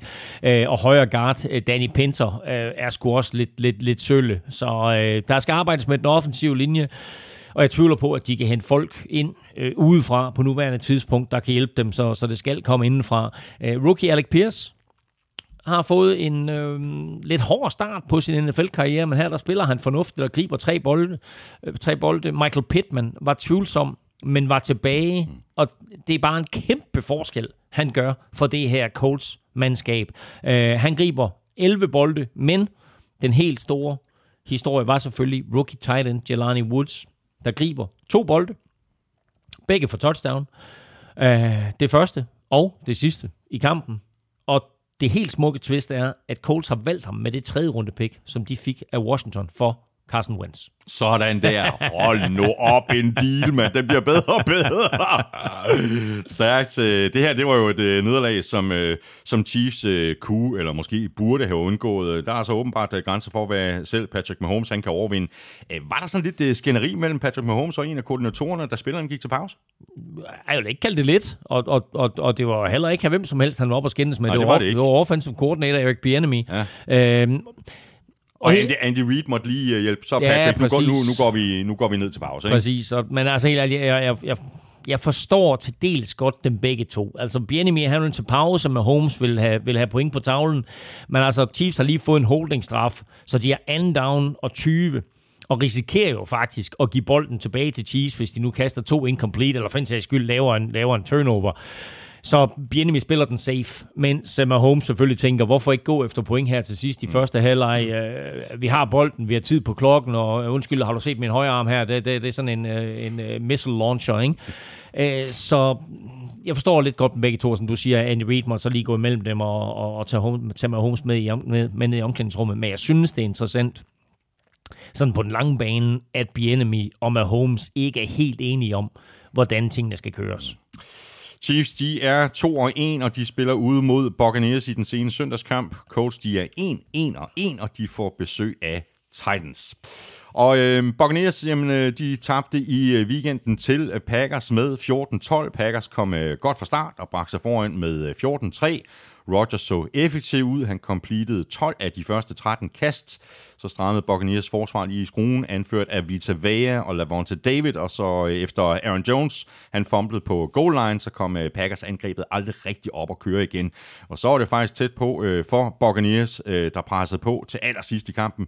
Det lykkedes så ikke for Brady og company at få udlignet med den her two-point conversion. Nej, og det mest vanvittige ved den situation er, at selveste Tom Brady, ham der med de syv Super Bowl-ringe og en et øh, kælenavn, øh, der hvis nok er noget med ged. Øh, han kan åbenbart ikke klokken endnu, fordi øh, han laver delay of game på deres two-point conversion. Så i stedet for at have bolden på 2 linjen så skal Box køre den her two-point conversion fra 7 linjen Det er en gigantisk brøler af Brady, men den må altså også hænge lidt på trænerstaben, fordi de skal bare have et klokkeklart valg til den der two-point conversion. Vide, okay, så lad os sige, at de har to eller tre two-point conversion spil, de kan vælge mellem, men de skal vide præcis, hvad for et af de tre, øh, de vil køre i, i den her situation. Og så bare få det hurtigt kommunikeret ind, og få det kommunikeret videre i hotlen, og så op, line op og få kørt den two-pointer. Nu laver de delay of game, så må de køre den fra syveren, og Brady kaster øh, incomplete, og så vinder Packers. Ja. Nu er der jo blevet talt en del om de der to tablets, som, øh, som Brady havde ødelagt i forrige uge. øh, Var, var det to?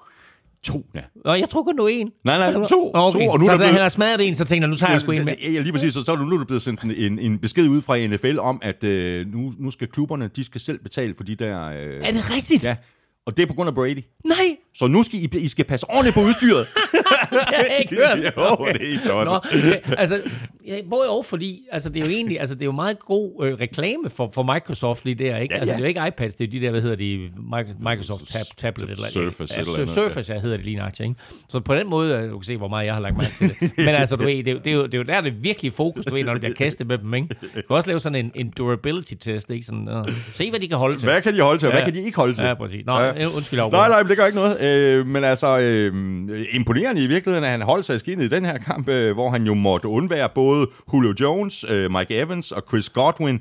Altså, øh, nu begår han jo sig selv den der fejl, hvor de får en, en 5 yards straf, øh, så det bliver øh, 7 yards i stedet for 2 yards. Men mund trods alt ikke, der havde været lidt bedre chance for en succesfuld øh, konvertering til sidst i kampen, hvis de her tre spillere, som han altså stadigvæk må undvære, havde været med. Hvor er Gronk? Og også, ja, hvor når, er Gronk? Når man har brug for ham. Øhm, Julio Jones, Chris Godwin fortsat skadet. Mike Evans ude med karantæne efter sidste uges batalje. Det gav så plads til Breshad Perriman og nytilkommende Cole Beasley mm. i øvrigt. Mm. Øh, de greb begge tre bolde. Og så Russell Gage, der jo kom til fra Falcons inden sæsonen. Han greb 12 bolde for 67, 87 yards, skulle hjælpe med. Og touchdown. Men det var hans fumble i tredje kvartal, der blev kostbar, fordi Box og Brady er kørende. De har lige fået bolden efter den her Aaron Jones fumble. De er kørende og øh, har for en gang skyld Packers forsvar lidt på hælene. Men i stedet for så at køre ned til en øh, reducering, så smider Gates bolden på jorden, og Packers får fat i den øh, på et tidspunkt, hvor kampen sådan ellers kunne være blevet helt tæt, øh, og måske endda være blevet vendt på hovedet. Øh, jeg så faktisk ikke, hvem Brady kastede til på den der two-pointer, men øh, det var sådan lidt ind mellem venner øh, og fjender, mm. og den havde aldrig rigtig en chance, men øh, må ikke, at den var gået til Mike Adams, hvis, øh, hvis, hvis han, eller Mike Evans, hvis han havde været med. Så er der ikke nogen tvivl om, at øh, Aaron Rodgers han nok øh, savner Davante Adams, men øh, Romeo Dobbs han spillede faktisk en rigtig fin kamp. Han greb øh, 8 bolde for 73 yards og et touchdown. Øh, det er stadigvæk ikke helt den her velsmurte øh, angrebsmaskine, som vi så for Packers øh, en stor del af sidste sæson. Eller i den her kamp skyldes det så måske øh, lige så meget, at øh, Buccaneers forsvar spillede så godt. Buccaneers forsvar spillede øh, rigtig, rigtig godt, og det er jo øh, altså, øh, de har, de har spillet super solidt Buc- forsvar i de første to kampe, og de spiller også rigtig godt i den her kamp, men det, de, de får egentlig først rigtig gang i det, efter at de fremtvinger den fumble fra Aaron Jones på mållinjen. Fordi de første på angrebsserier, der kører Øh, Aaron Rodgers ned ad banen, og han får gang i unge øh, Romeo Dobbs, der spiller sin bedste kamp indtil videre. Og der er rigtig, rigtig mange gode plays for det her Packers angreb. Øh, da de så fumbler bolden, så er det ligesom om, at så får hele Buccaneers holdet blod på tanden, og kampen bliver tæt. Men altså scorer de der Packers, ikke? så er de foran med 21-3, og så er kampen afgjort. Ja. Buccaneers, de er 2-1. De spiller hjemme mod Chiefs i den seneste søndagskamp. Øh, Packers, de er også 2-1, og de får besøg af Patriots. Og så mangler vi bare øh, kampen, som øh, alle nok havde glædet sig rigtig meget til. Nu skulle vi nemlig se, om Dolphins kunne levere varen mod en klassemodstander sådan for alvor. Det kunne de. Dolphins, de vandt med 21-19 over Bills, så vi kan lige så godt få det af vejen med det samme Elming. Med cirka halvandet minut tilbage på klokken. Dolphins var foran med 21-17, og så kom The Butt Punch. Ja, the butt punt. Altså, øh, Dolphins punter, Thomas Morstead, har spillet i 14 år i NFL og har kun fået blokeret et punt af modstanderne. Det har han stadigvæk. Fordi det punt der, det blev blokeret, øh, eller hvad man nu kalder det, øh, af en holdkammerat. Altså, han sparker det der punt. Holdkammeraten havde ikke en chance. Han sparker det der punt med fuld hammer lige op i Numi. I øvrigt, ved du, hvem det var, han sparkede op i Numi på? Nej. Trent Sherfield. Nej, er det de, rigtigt? Og de er en god gamle ven. Ej. Nå, og så ryger den ud af, af, af endzone til en safety. Og det gør jo faktisk resten af kampen særdeles spændende. Scoren, fordi de får to point, er nu 21-19. Dolphins skal sparke kick-off for deres egen 20'er. Bills kan vinde med et field goal. De har Josh Allen. De har halvandet minut. Men øh, Dolphins forsvar holdt stand endnu en gang, øh, og så leverede de altså den her kæmpe overraskelse. Tænk lige på det her. Dolphins åbnede sidste sæson 1 og 7. Siden da er de 11 og 1. Wow. Det er crazy. Ja, det er momentum. Det, og det er altså på mange måder, så var det jo en fuldstændig crazy afslutning på den her kamp. Øh, så du videoklippet af, af Bills offensive koordinator Ken Dorsey, der, fl- der flejnede fuldstændig bananas Mega i grineren. boksen. Mega grineren. Altså har man ikke set det, så google lige uh, Ken Dorsey eller find det på Twitter. Det er klasse. Han kaster med mere eller mindre alt, der er inden for rækkevidde. Og det hele bliver filmet. Ind til en eller anden øh, betænkt som øh, sjæl eller hjælper i boksen, der lige sådan lægger en hånd ind over kameraet. Øh, men det er, øh, han, han, øh, han var ikke tilfreds med resultatet. Nej, det var han øh, mildt sagt ikke. Og jo sjovt at se de, de, de andre øh, personer oppe i boksen, der bare sådan sidder og Ja. kigger stille og roligt på ham, mens han bare går fuldstændig amok. Øhm, Elming, øh, Bills øh, dominerede jo time of possession. Øh, det endte så alligevel med et nederlag. Øh, vi har jo talt om det til hudløshed. Turnovers, penalties, they will kill you. Og ja, øh, Dolphins forsvar spillede også en, en, en super god kamp, og fik øh, jo også lagt massiv pres på Josh Allen. Men Bills begik sådan mange simple fejl, mm. og fejl, der endte med at koste dyrt. De dummede sig et par gange, især i, i første halvleg, hvor, øh, eller især det, det vil sige, den der situation i første halvleg, hvor Josh Allen jo ikke får spiket bolden, og de løber tør for tid, i stedet for at sparke et field goal. Øh, og der er et par andre situationer øh, undervejs også, men de er totalt dominerende i alle væsentlige statistikker. Prøv lige at høre det her. 90 plays mod 39. Altså 90 mod 39. Øh, 31 første downs mod 15. 497 yards mod 212. Og 41 minutter i boldbesiddelse mod 19. Altså det er, ud fra de tal, lidt ubegribeligt, at Bills ikke vandt. Ja, det er det virkelig. Den her kamp var jo øh, ikke helt på niveau med forrige uges øh, indsats for Tour, men øh, han lavede to store spil i fjerde kvartal, der sikrede Dolphins sejren, og han udnyttede vel i virkeligheden meget godt, at Bills var uden øh, begge deres to normale starter på safety. Øh, godt kommet igen i øvrigt af, af Tour, der jo fik et skrald tidligere mm. i kampen, og var ude for at blive tjekket for, ja. for en jernrystelse. Ja, og øh, han var jo decideret groggy, øh, og, og kunne ikke stå på benene. Øh, han bliver hjulpet i omklædningsrummet. Øh, holdene går til pause, og skal ind til anden halvleg, og bum bum, her kommer Tua. Øh, jeg ved ikke helt, hvem der har clearet ham. Men det får et efterspil, fordi Spillerforeningen vil have undersøgt, hvordan Tua fik lov til at komme tilbage på banen. Nu læste jeg lige i morges, at Dolphins siger, at han aldrig har været i øh, den her øh, concussion protocol, men at det har været en eller anden form for, for, for rygskade eller benskade eller whatever. Øh, men det er meget, meget mærkeligt. Det er underligt. Ja, ja. Så øh, nu må vi lige se, hvad der, hvad der er op og ned i hele den sag der. Øhm, men så har du ret i, at, at, at Tua og Dolphins udnyttede Bills mange skader. Øh, de stillede jo op Bills uden 11 sædvanlige startere. Altså, det er lidt vildt, ikke? Øh, safety Micah Hyde mm. er ude for sæsonen. Det er en katastrofe ja, for Bills. Uh, Jordan Poyer, den anden safety, var heller ikke med. Uh, Jordan Phillips på den defensive linje var ikke med. Uh, og på angrebet var de uden center Mitch Morse. Uh, og det hjalp heller ikke, at hans backup, Van Roten, uh, eller Van Rotten, som uh, Nikolaj Gavn kaldte ham, uh, udgik med, med kramper. Og i det hele taget, så øh, var hedebølgen i Miami virkelig hård ved billedspillerne, der, der faldt som fluer undervejs med kramper og dehydrering.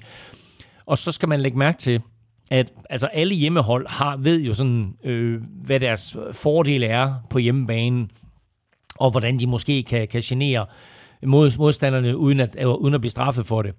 Bills var placeret på den side, hvor solen stod og smadrede lige ned i ansigtet på dem. Men den er jo, I- sikker, den er jo sikker hver i gang. fire timer, ikke? Ja, ja. Og der snakker vi altså omkring 40 grader, så det gik virkelig hårdt ud over Bills, at de skulle spille i den varme der. Jo, det er en, øh, en OK start for, på headcoach-karrieren til Mike McDaniel. 3-0 og, og sejr over Bill Belichick, John Harbaugh og Sean McDermott. Bum, bum. Så er vi i gang, ikke? Ja, ja. Dolphins er altså 3-0. De spiller ude mod Bengals Thursday Night. Bills er 2-1, og de spiller ude mod Ravens. Også et øh, fantastisk øh, matchup. Så er vi igennem øh, kampene for tredje spilrunde, og det betyder så, at vi lige om øh, lidt skal se, om vi ikke kan få et par rigtige svar i quizerne. Vi skal også omkring øh, BookBeat, og så skal vi sørge også sat vores øh, picks til øh, fjerde spilrunde. Lige her og nu, der skal vi have fat i dit øh, momentometer. Elming, øh, hvordan ser der ud i top 3? Jeg kan starte med at sige, at bund nummer 32 er, jeg vil kalde dem Oakland, er Las Vegas Raiders. 0-3, eneste hold, ingen momentum, de ligger nederst. Øverst er jeg lidt i tvivl. Altså min 1 og 2, det var Bills og Chiefs, de tabte begge to. Så har du to hold, der er 3-0. Det er Eagles og det er Dolphins. Hvordan jeg lige placerer dem, det, øh, det ved jeg ikke helt endnu, men de kommer til at ligge 1 og 2. Sådan der. Træeren. Hvem presser på? Nej, det gør i hvert fald ikke. Når øh, Elming får skrevet sit øh, momentometer øh, færdig, jamen øh, så kommer det op og ligger det samme sted, hvor det altid ligger, og det er selvfølgelig på gulklud.dk. Nu skal vi have fat i øh, BookBeat, øh, og jeg er virkelig spændt på at høre, om øh, Mr. Elming har fundet frem til flere spændende titler igen i den her uge, fordi der var jo masser at vælge mellem, altså der er jo masser at vælge mellem på BookBeat.dk, der er over 500.000 titler. Du kan få adgang til hele dynen, kvitterfrit i to måneder, fuldstændig uden risiko og uden at binde dig til noget, og det kan du altså, hvis du signer op på bookbeat.dk-nfl. Der er både lydbøger og e-bøger, og du selv vælge, om du vil downloade eller streame dem på din mobiltelefon eller tablet. Og Elming, som sagt, du fandt nogle interessante titler i sidste uge. Jeg ved, du har haft den øh, helt store lommelygte frem. Ja, men altså, der er rigtig, rigtig mange gode bøger øh, på BookBeat, og også rigtig mange øh, skjulte perler om, øh, om NFL. øh, blandt andet har jeg fundet øh, bogen om Bill Belichick og hans Patriots, der bare hedder Kult. Så er der bogen Herved, som jo handler om Vikings-fans gennem 50 år. og så er der bogen om Jordan Love. Den evige kronprins. Fantastisk. Øh, Når du får åbnet de her bøger ind på bookbeat.dk, så kan det godt være, at bøgerne handler om øh, lidt noget andet. Men Ja. titlerne er gode nok. Titlerne er gode. Den evige kronprins selvfølgelig om, øh, om, om Kong Charles hedder han jo nu, ja. som har overtaget ja. efter sin afdøde mor. Der er altså øh, masser af gået i kød på på BookBeat.dk. Der er bøger om amerikansk fodbold, der er bøger om amerikansk sport, der er bøger om amerikansk kultur og samfundsforhold, og så er der selvfølgelig bøger om alt muligt andet også. Og lige nu, der kan du altså få de øh, første to måneder fuldstændig gratis, uden risiko. Og det kan du altså, hvis du signer op på bookbeat.dk-nfl. Du binder dig ikke til noget som helst. Du skal lige huske at melde fra igen, hvis øh, du ikke ønsker at fortsætte med dit abonnement efter prøveperioden. Vi skal have quizzen. Åh, oh. Det er tid til quiz, quiz, quiz, quiz, quiz.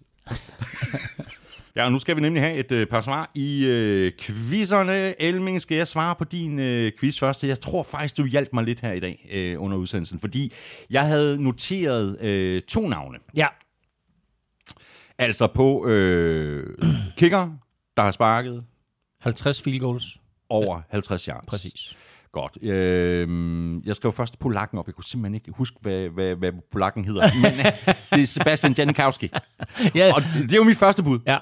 Og så havde jeg faktisk øh, skrevet øh, Greg Sørlein, Greg the Leg, Ja. Legathon, Legatron, Ja, Legatron. Øh, op. Øh, men det er det jo så ikke, fordi Nej. jeg tror nemlig, at det er Matt Prater. Matt Prater, der, der, der var tre ud over Justin Tucker. Det er ikke kun to. Der var tre ud over Matt. Så han, var- han var nummer fire, Justin Tucker. Ikke? Okay, Så Matt Prater er fuldstændig korrekt. Han er den med flest. Han har lavet 66. ja. Sebastian Janikowski er også korrekt. Han har næstflest med 58. Og så er der en spiller med 52. Jamen, så skyder på Greg. Ja, nej, nej han, var slet, han, han, han kom jo ind samme år som Justin Tucker, så han er jo slet ikke nær så mange øh, field goals Nej, er over 50 som Justin Tucker. Robbie Gold? Nej, det var altså også et, go- et godt bud. Øhm, men nej, jeg vil hjælpe dig lidt. Øh, han er svær, øh, men han spillede for samme klub, som, øh, som Matt Prater gjorde i mange år. Altså Lions. Oh. Det er svært. Han hedder, han har sådan et, et, et svensk efternavn. Nej. Nej. Jason Hansen. Jason Hansen. Ja, 52. Okay. Men altså, hey, to ud af tre. Ja, ja, det er da også godt. Ja, det synger Meatloaf, det er skide godt. Han er ikke bad. Så var der øh, min quizzer øh, til dig. Ja, ja. Øhm, altså, øh, indtil videre øh, i år, kun Ja. to spillere, øh, der har haft et løbespil på 30 yards eller mere, og samtidig har grebet en bold for 30 yards eller mere. Ja. Og du sagde, at du, øh, du, du havde jo allerede navnet på den Ja, ene. Amon Ross Brown, ikke? Ja, præcis. Ja. Hvem er så den anden, der har gjort det? Jamen, altså, jeg vil gætte på Saquon Barkley. Øh, nej, det, Nej. det er ikke korrekt. Okay, Cordell Patterson. Nej, heller ikke. uh, Debo Samuel. Heller ikke. Det var et godt bud ellers. Ja.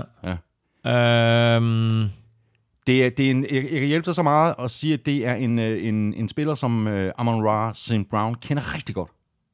er det rigtigt? Equiminius St. Brown? Exactly. Nej, hvor Er det ikke sjovt. vildt? Nej, hvor er det sjovt. Det er de to brødre. Wow, nå, grineren. Ja. Ja. De scorer i spil 1, der scorer de også sådan med, øh, med to minutters mellemrum. Ja. Den ene for, øh, for, for Lions selvfølgelig, og den anden for Bears. Nå, sjovt. Ja. Godt, jamen øh, nu skal vi have sat vores øh, picks til øh, fjerde spillerunde. Før vi gør det, så skal vi øh, selvfølgelig have en lille status her. Efter tre uger runden endte uafgjort 8-8. Dermed fører du fortsat med 3, nemlig 26-23. Øhm, vi tager dem fra den ene af. Bengals, Dolphins. Vild kamp, ikke? Altså, de ubesejrede Dolphins imod sidste års Super Bowl deltagere fra Cincinnati Bengals. Jeg tror, at Dolphins napper den. Jeg har også Dolphins. Så har vi Saints, Vikings. Ja, jo en ny klassiker. Øh, øh, de mødes jo ikke så- tit, øh, så det er sådan lidt vildt, at det er blevet sådan en, en ny klassiker, men de har spillet nogle hæsblæsende opgør mod hinanden. Hinanden, øh, ikke mindst i playoffs, jo blandt andet med øh, Stefan Dix's The Minneapolis Miracle.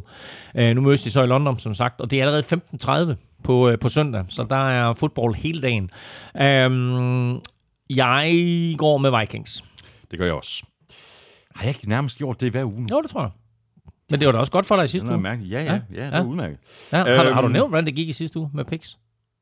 Ja, det har jeg lige gjort. Nå, det hørte jeg ikke. Jeg Uafgjort 8-8. Nå, okay, godt. Jeg, undskyld, jeg fulgte slet ikke med. Jeg sad her og kiggede lidt på... øh, Nå.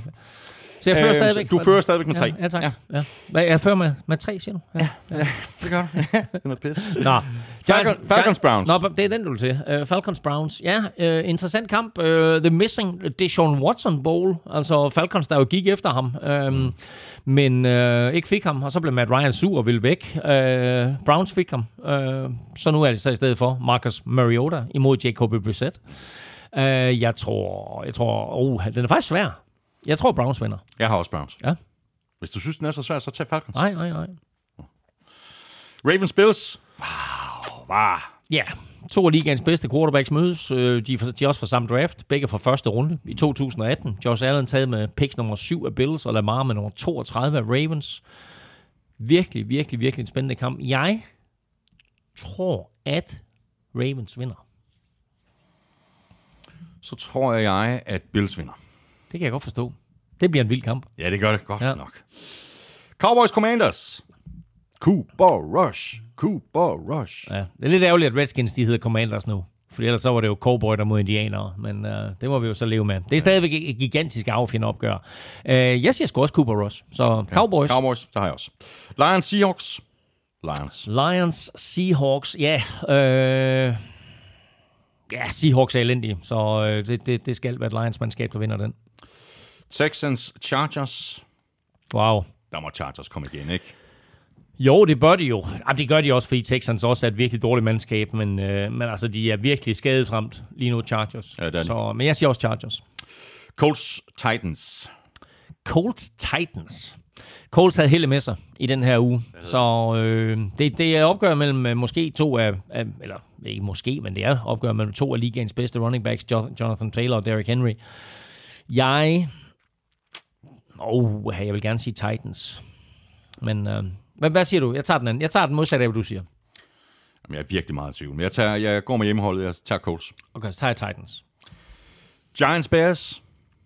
Giants Bears, også en lidt interessant kamp, ikke? Altså to udskilte quarterbacks, begge draftet i første runde, Justin Fields og Daniel Jones, men uh, jeg synes umiddelbart, at Giants og Daniel Jones har set bedst ud, så det bliver Giants. Jeg har også Giants. Eagles Jaguars. Doug Peterson mod sin gamle klub, Ja, præcis. øh, som han førte til sejr i Super Bowl 52. Um, Og Jaguars spiller meget bedre, end vi havde regnet med. jo, men Eagles... Ja, det er det. Eagles På udebane. Ja. Jamen, jeg vil virkelig, jeg vil virkelig gerne sige Jaguars, for jeg er helt vild med den historie, der er ved at udfolde sig dernede, men øh, jeg siger Eagles. Ja, jeg har også Eagles. Steelers Jets.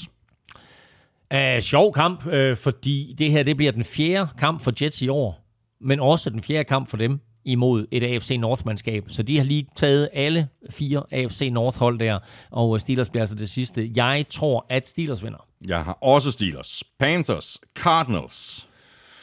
Ja, mm. ja. Øh, det her er også en, en lidt sjov kamp, fordi det er Baker Mayfield mod Kyler Murray. To tidligere holdkammerater på college i Oklahoma, hvor de jo begge to vandt Heisman Trophy-prisen, altså som bedste college-spiller årene efter hinanden. Jo Baker i 2017 og Kyler Murray i 2018. Og jeg siger, at Carolina Panthers vinder. Jeg har også Panthers. Der er ikke så stor spredning på i dag. Nej. Der var lige et øh, par kampe. Så har vi øh, Packers Patriots. Packers Patriots. Aaron De, Rodgers. de spillede faktisk godt Patriots Ja, det gjorde de. her i sidste uge. Ja, Aaron Rodgers mod Bill Belichick. Ja. Men jeg, jeg, jeg har Packers, og øh, der er også lidt udfordringer på quarterback nu for Patriots. Ja. Med Mac Jones. Ikke? Ja, ja, ja, det er der. Øhm, au, øh, ej, den vinder Packers. Raiders Broncos. Øh, Raiders 0 og 3, og har de næste to uger Broncos og Chiefs, inden de så sidder over. Det er to kampe, de godt kan vinde, øh, men det er også to kampe, de godt kan tabe. Ja, men- men de skal jo i gang- de skal og jo så i gang nu, Og så er de 0 og 5 inden deres bye week. Ja, de skal øh, Ross Wilson har ikke set godt ud. Jeg siger, at Raiders kommer på tavlen. Siger jeg også. Øh, så har vi Buccaneers Chiefs. Tom, Tom Brady mod Patrick Mahomes, ja. øh, der har udkæmpet nogle episke slag. Øh, jo ikke mindst øh, Super Bowl 55, hvor Bucks forsvar jo fuldstændig dominerede øh, kampen. Og øh, Og de er to hold, der, skal, der lige har tabt, ikke? Der skal komme igen. det er rigtigt. Øh, ja, åh, jeg kan simpelthen ikke se Chiefs øh, ikke vinde den kamp, men altså på den anden side, det sagde jeg også i Super Bowl 55, og så blev han kørt fuldstændig midt over det forsvar der med Holmes, og han har ikke nogen Tyreek Hill. Jeg siger sgu Bucks. Så siger jeg Chiefs. Ja, For Niners Rams. Det er hurtigt overstået Rams. Jeg kan næsten ikke holde ud. er det rigtigt? Ja. Ja, jeg siger også Rams. Okay. Nå, du fik chancen for at komme igen. Så, Det gjorde jeg. Ja, der, Er, der, der er et par, et par enkelte forskelle hister her. Ja. Tak for det, Elming. Fornøjelse som altid. Ja, dejligt. Det var super. Så vil jeg øh, gå hjem og pakke min kuffert og så tage til London. Ja, men øh, have en øh, fantastisk tur. Så øh. mange tak. Og vi håber også, at øh, du synes, at det har været en øh, fornøjelse at lytte med, og hvis du gør det, så kunne du overveje at stikke os en anmeldelse og fem store stjerner et af de steder, det er muligt. Det kunne for eksempel være i øh, Apple Podcast eller i øh, Spotify. Tjek gerne nflsøde.dk ud. Der er to links øverst på øh, siden. Dels er der linket til øh, shoppen, hvor du kan købe lidt af vores merchandise, og ved siden af det link, der ligger linket til øh, tier.dk, hvor du kan støtte os med et øh, valgfrit beløb, hver gang vi uploader en ny episode. Tusind tak til alle, der har handlet, og tusind tak til alle, der støtter på tier.dk. Husk også at øh, støtte vores øh, gode venner og samarbejdspartnere fra Tafel og Otted fra Danske Licens Spil. Og i forhold til Otted... Husk, at man skal være minimum 18 år og spille med omtanke. Har du brug for hjælp til spilafhængighed, så kontakt Spillemyndighedens hjælpelinje Stop Spillet eller udluk dig via Rufus. Regler og vilkår gælder. Tak også til øh, BookBeat for at være med os igen i dag. Husk, at du kan få øh, gratis adgang til over 500.000 øh, bøger i to måneder, og det kan du på bookbeat.dk-nfl. Hvis du vil i kontakt med os, hvis du har spørgsmål eller kommentarer, så kan du fange os på både Twitter, Facebook og Instagram, og du kan også række ud efter os på mailsnablag.nflshowet.dk. Følg Mr. Elming på Twitter på snablag NFLming. Mig kan du følge på snablag Thomas Kvartrup. Det var alt for i dag. Tak for nu. NFL-showet er produceret af Kvartrup Media, der også producerer PL-showet, Golf-showet og Born Unplugged. Drengene på PL-showet giver den gas hver mandag, og det handler om Premier League. Hardø og Amstrup holder der opdateret på professionel golf hver tirsdag, og hver fredag høvler Lars Trier Mogensen og jeg dansk politik igennem i Born Unplugged. Husk også ved Europa-podcasten, hvis du er til cykelsport. Elming og jeg er tilbage igen næste uge. Ha' det godt så længe. Hold odds.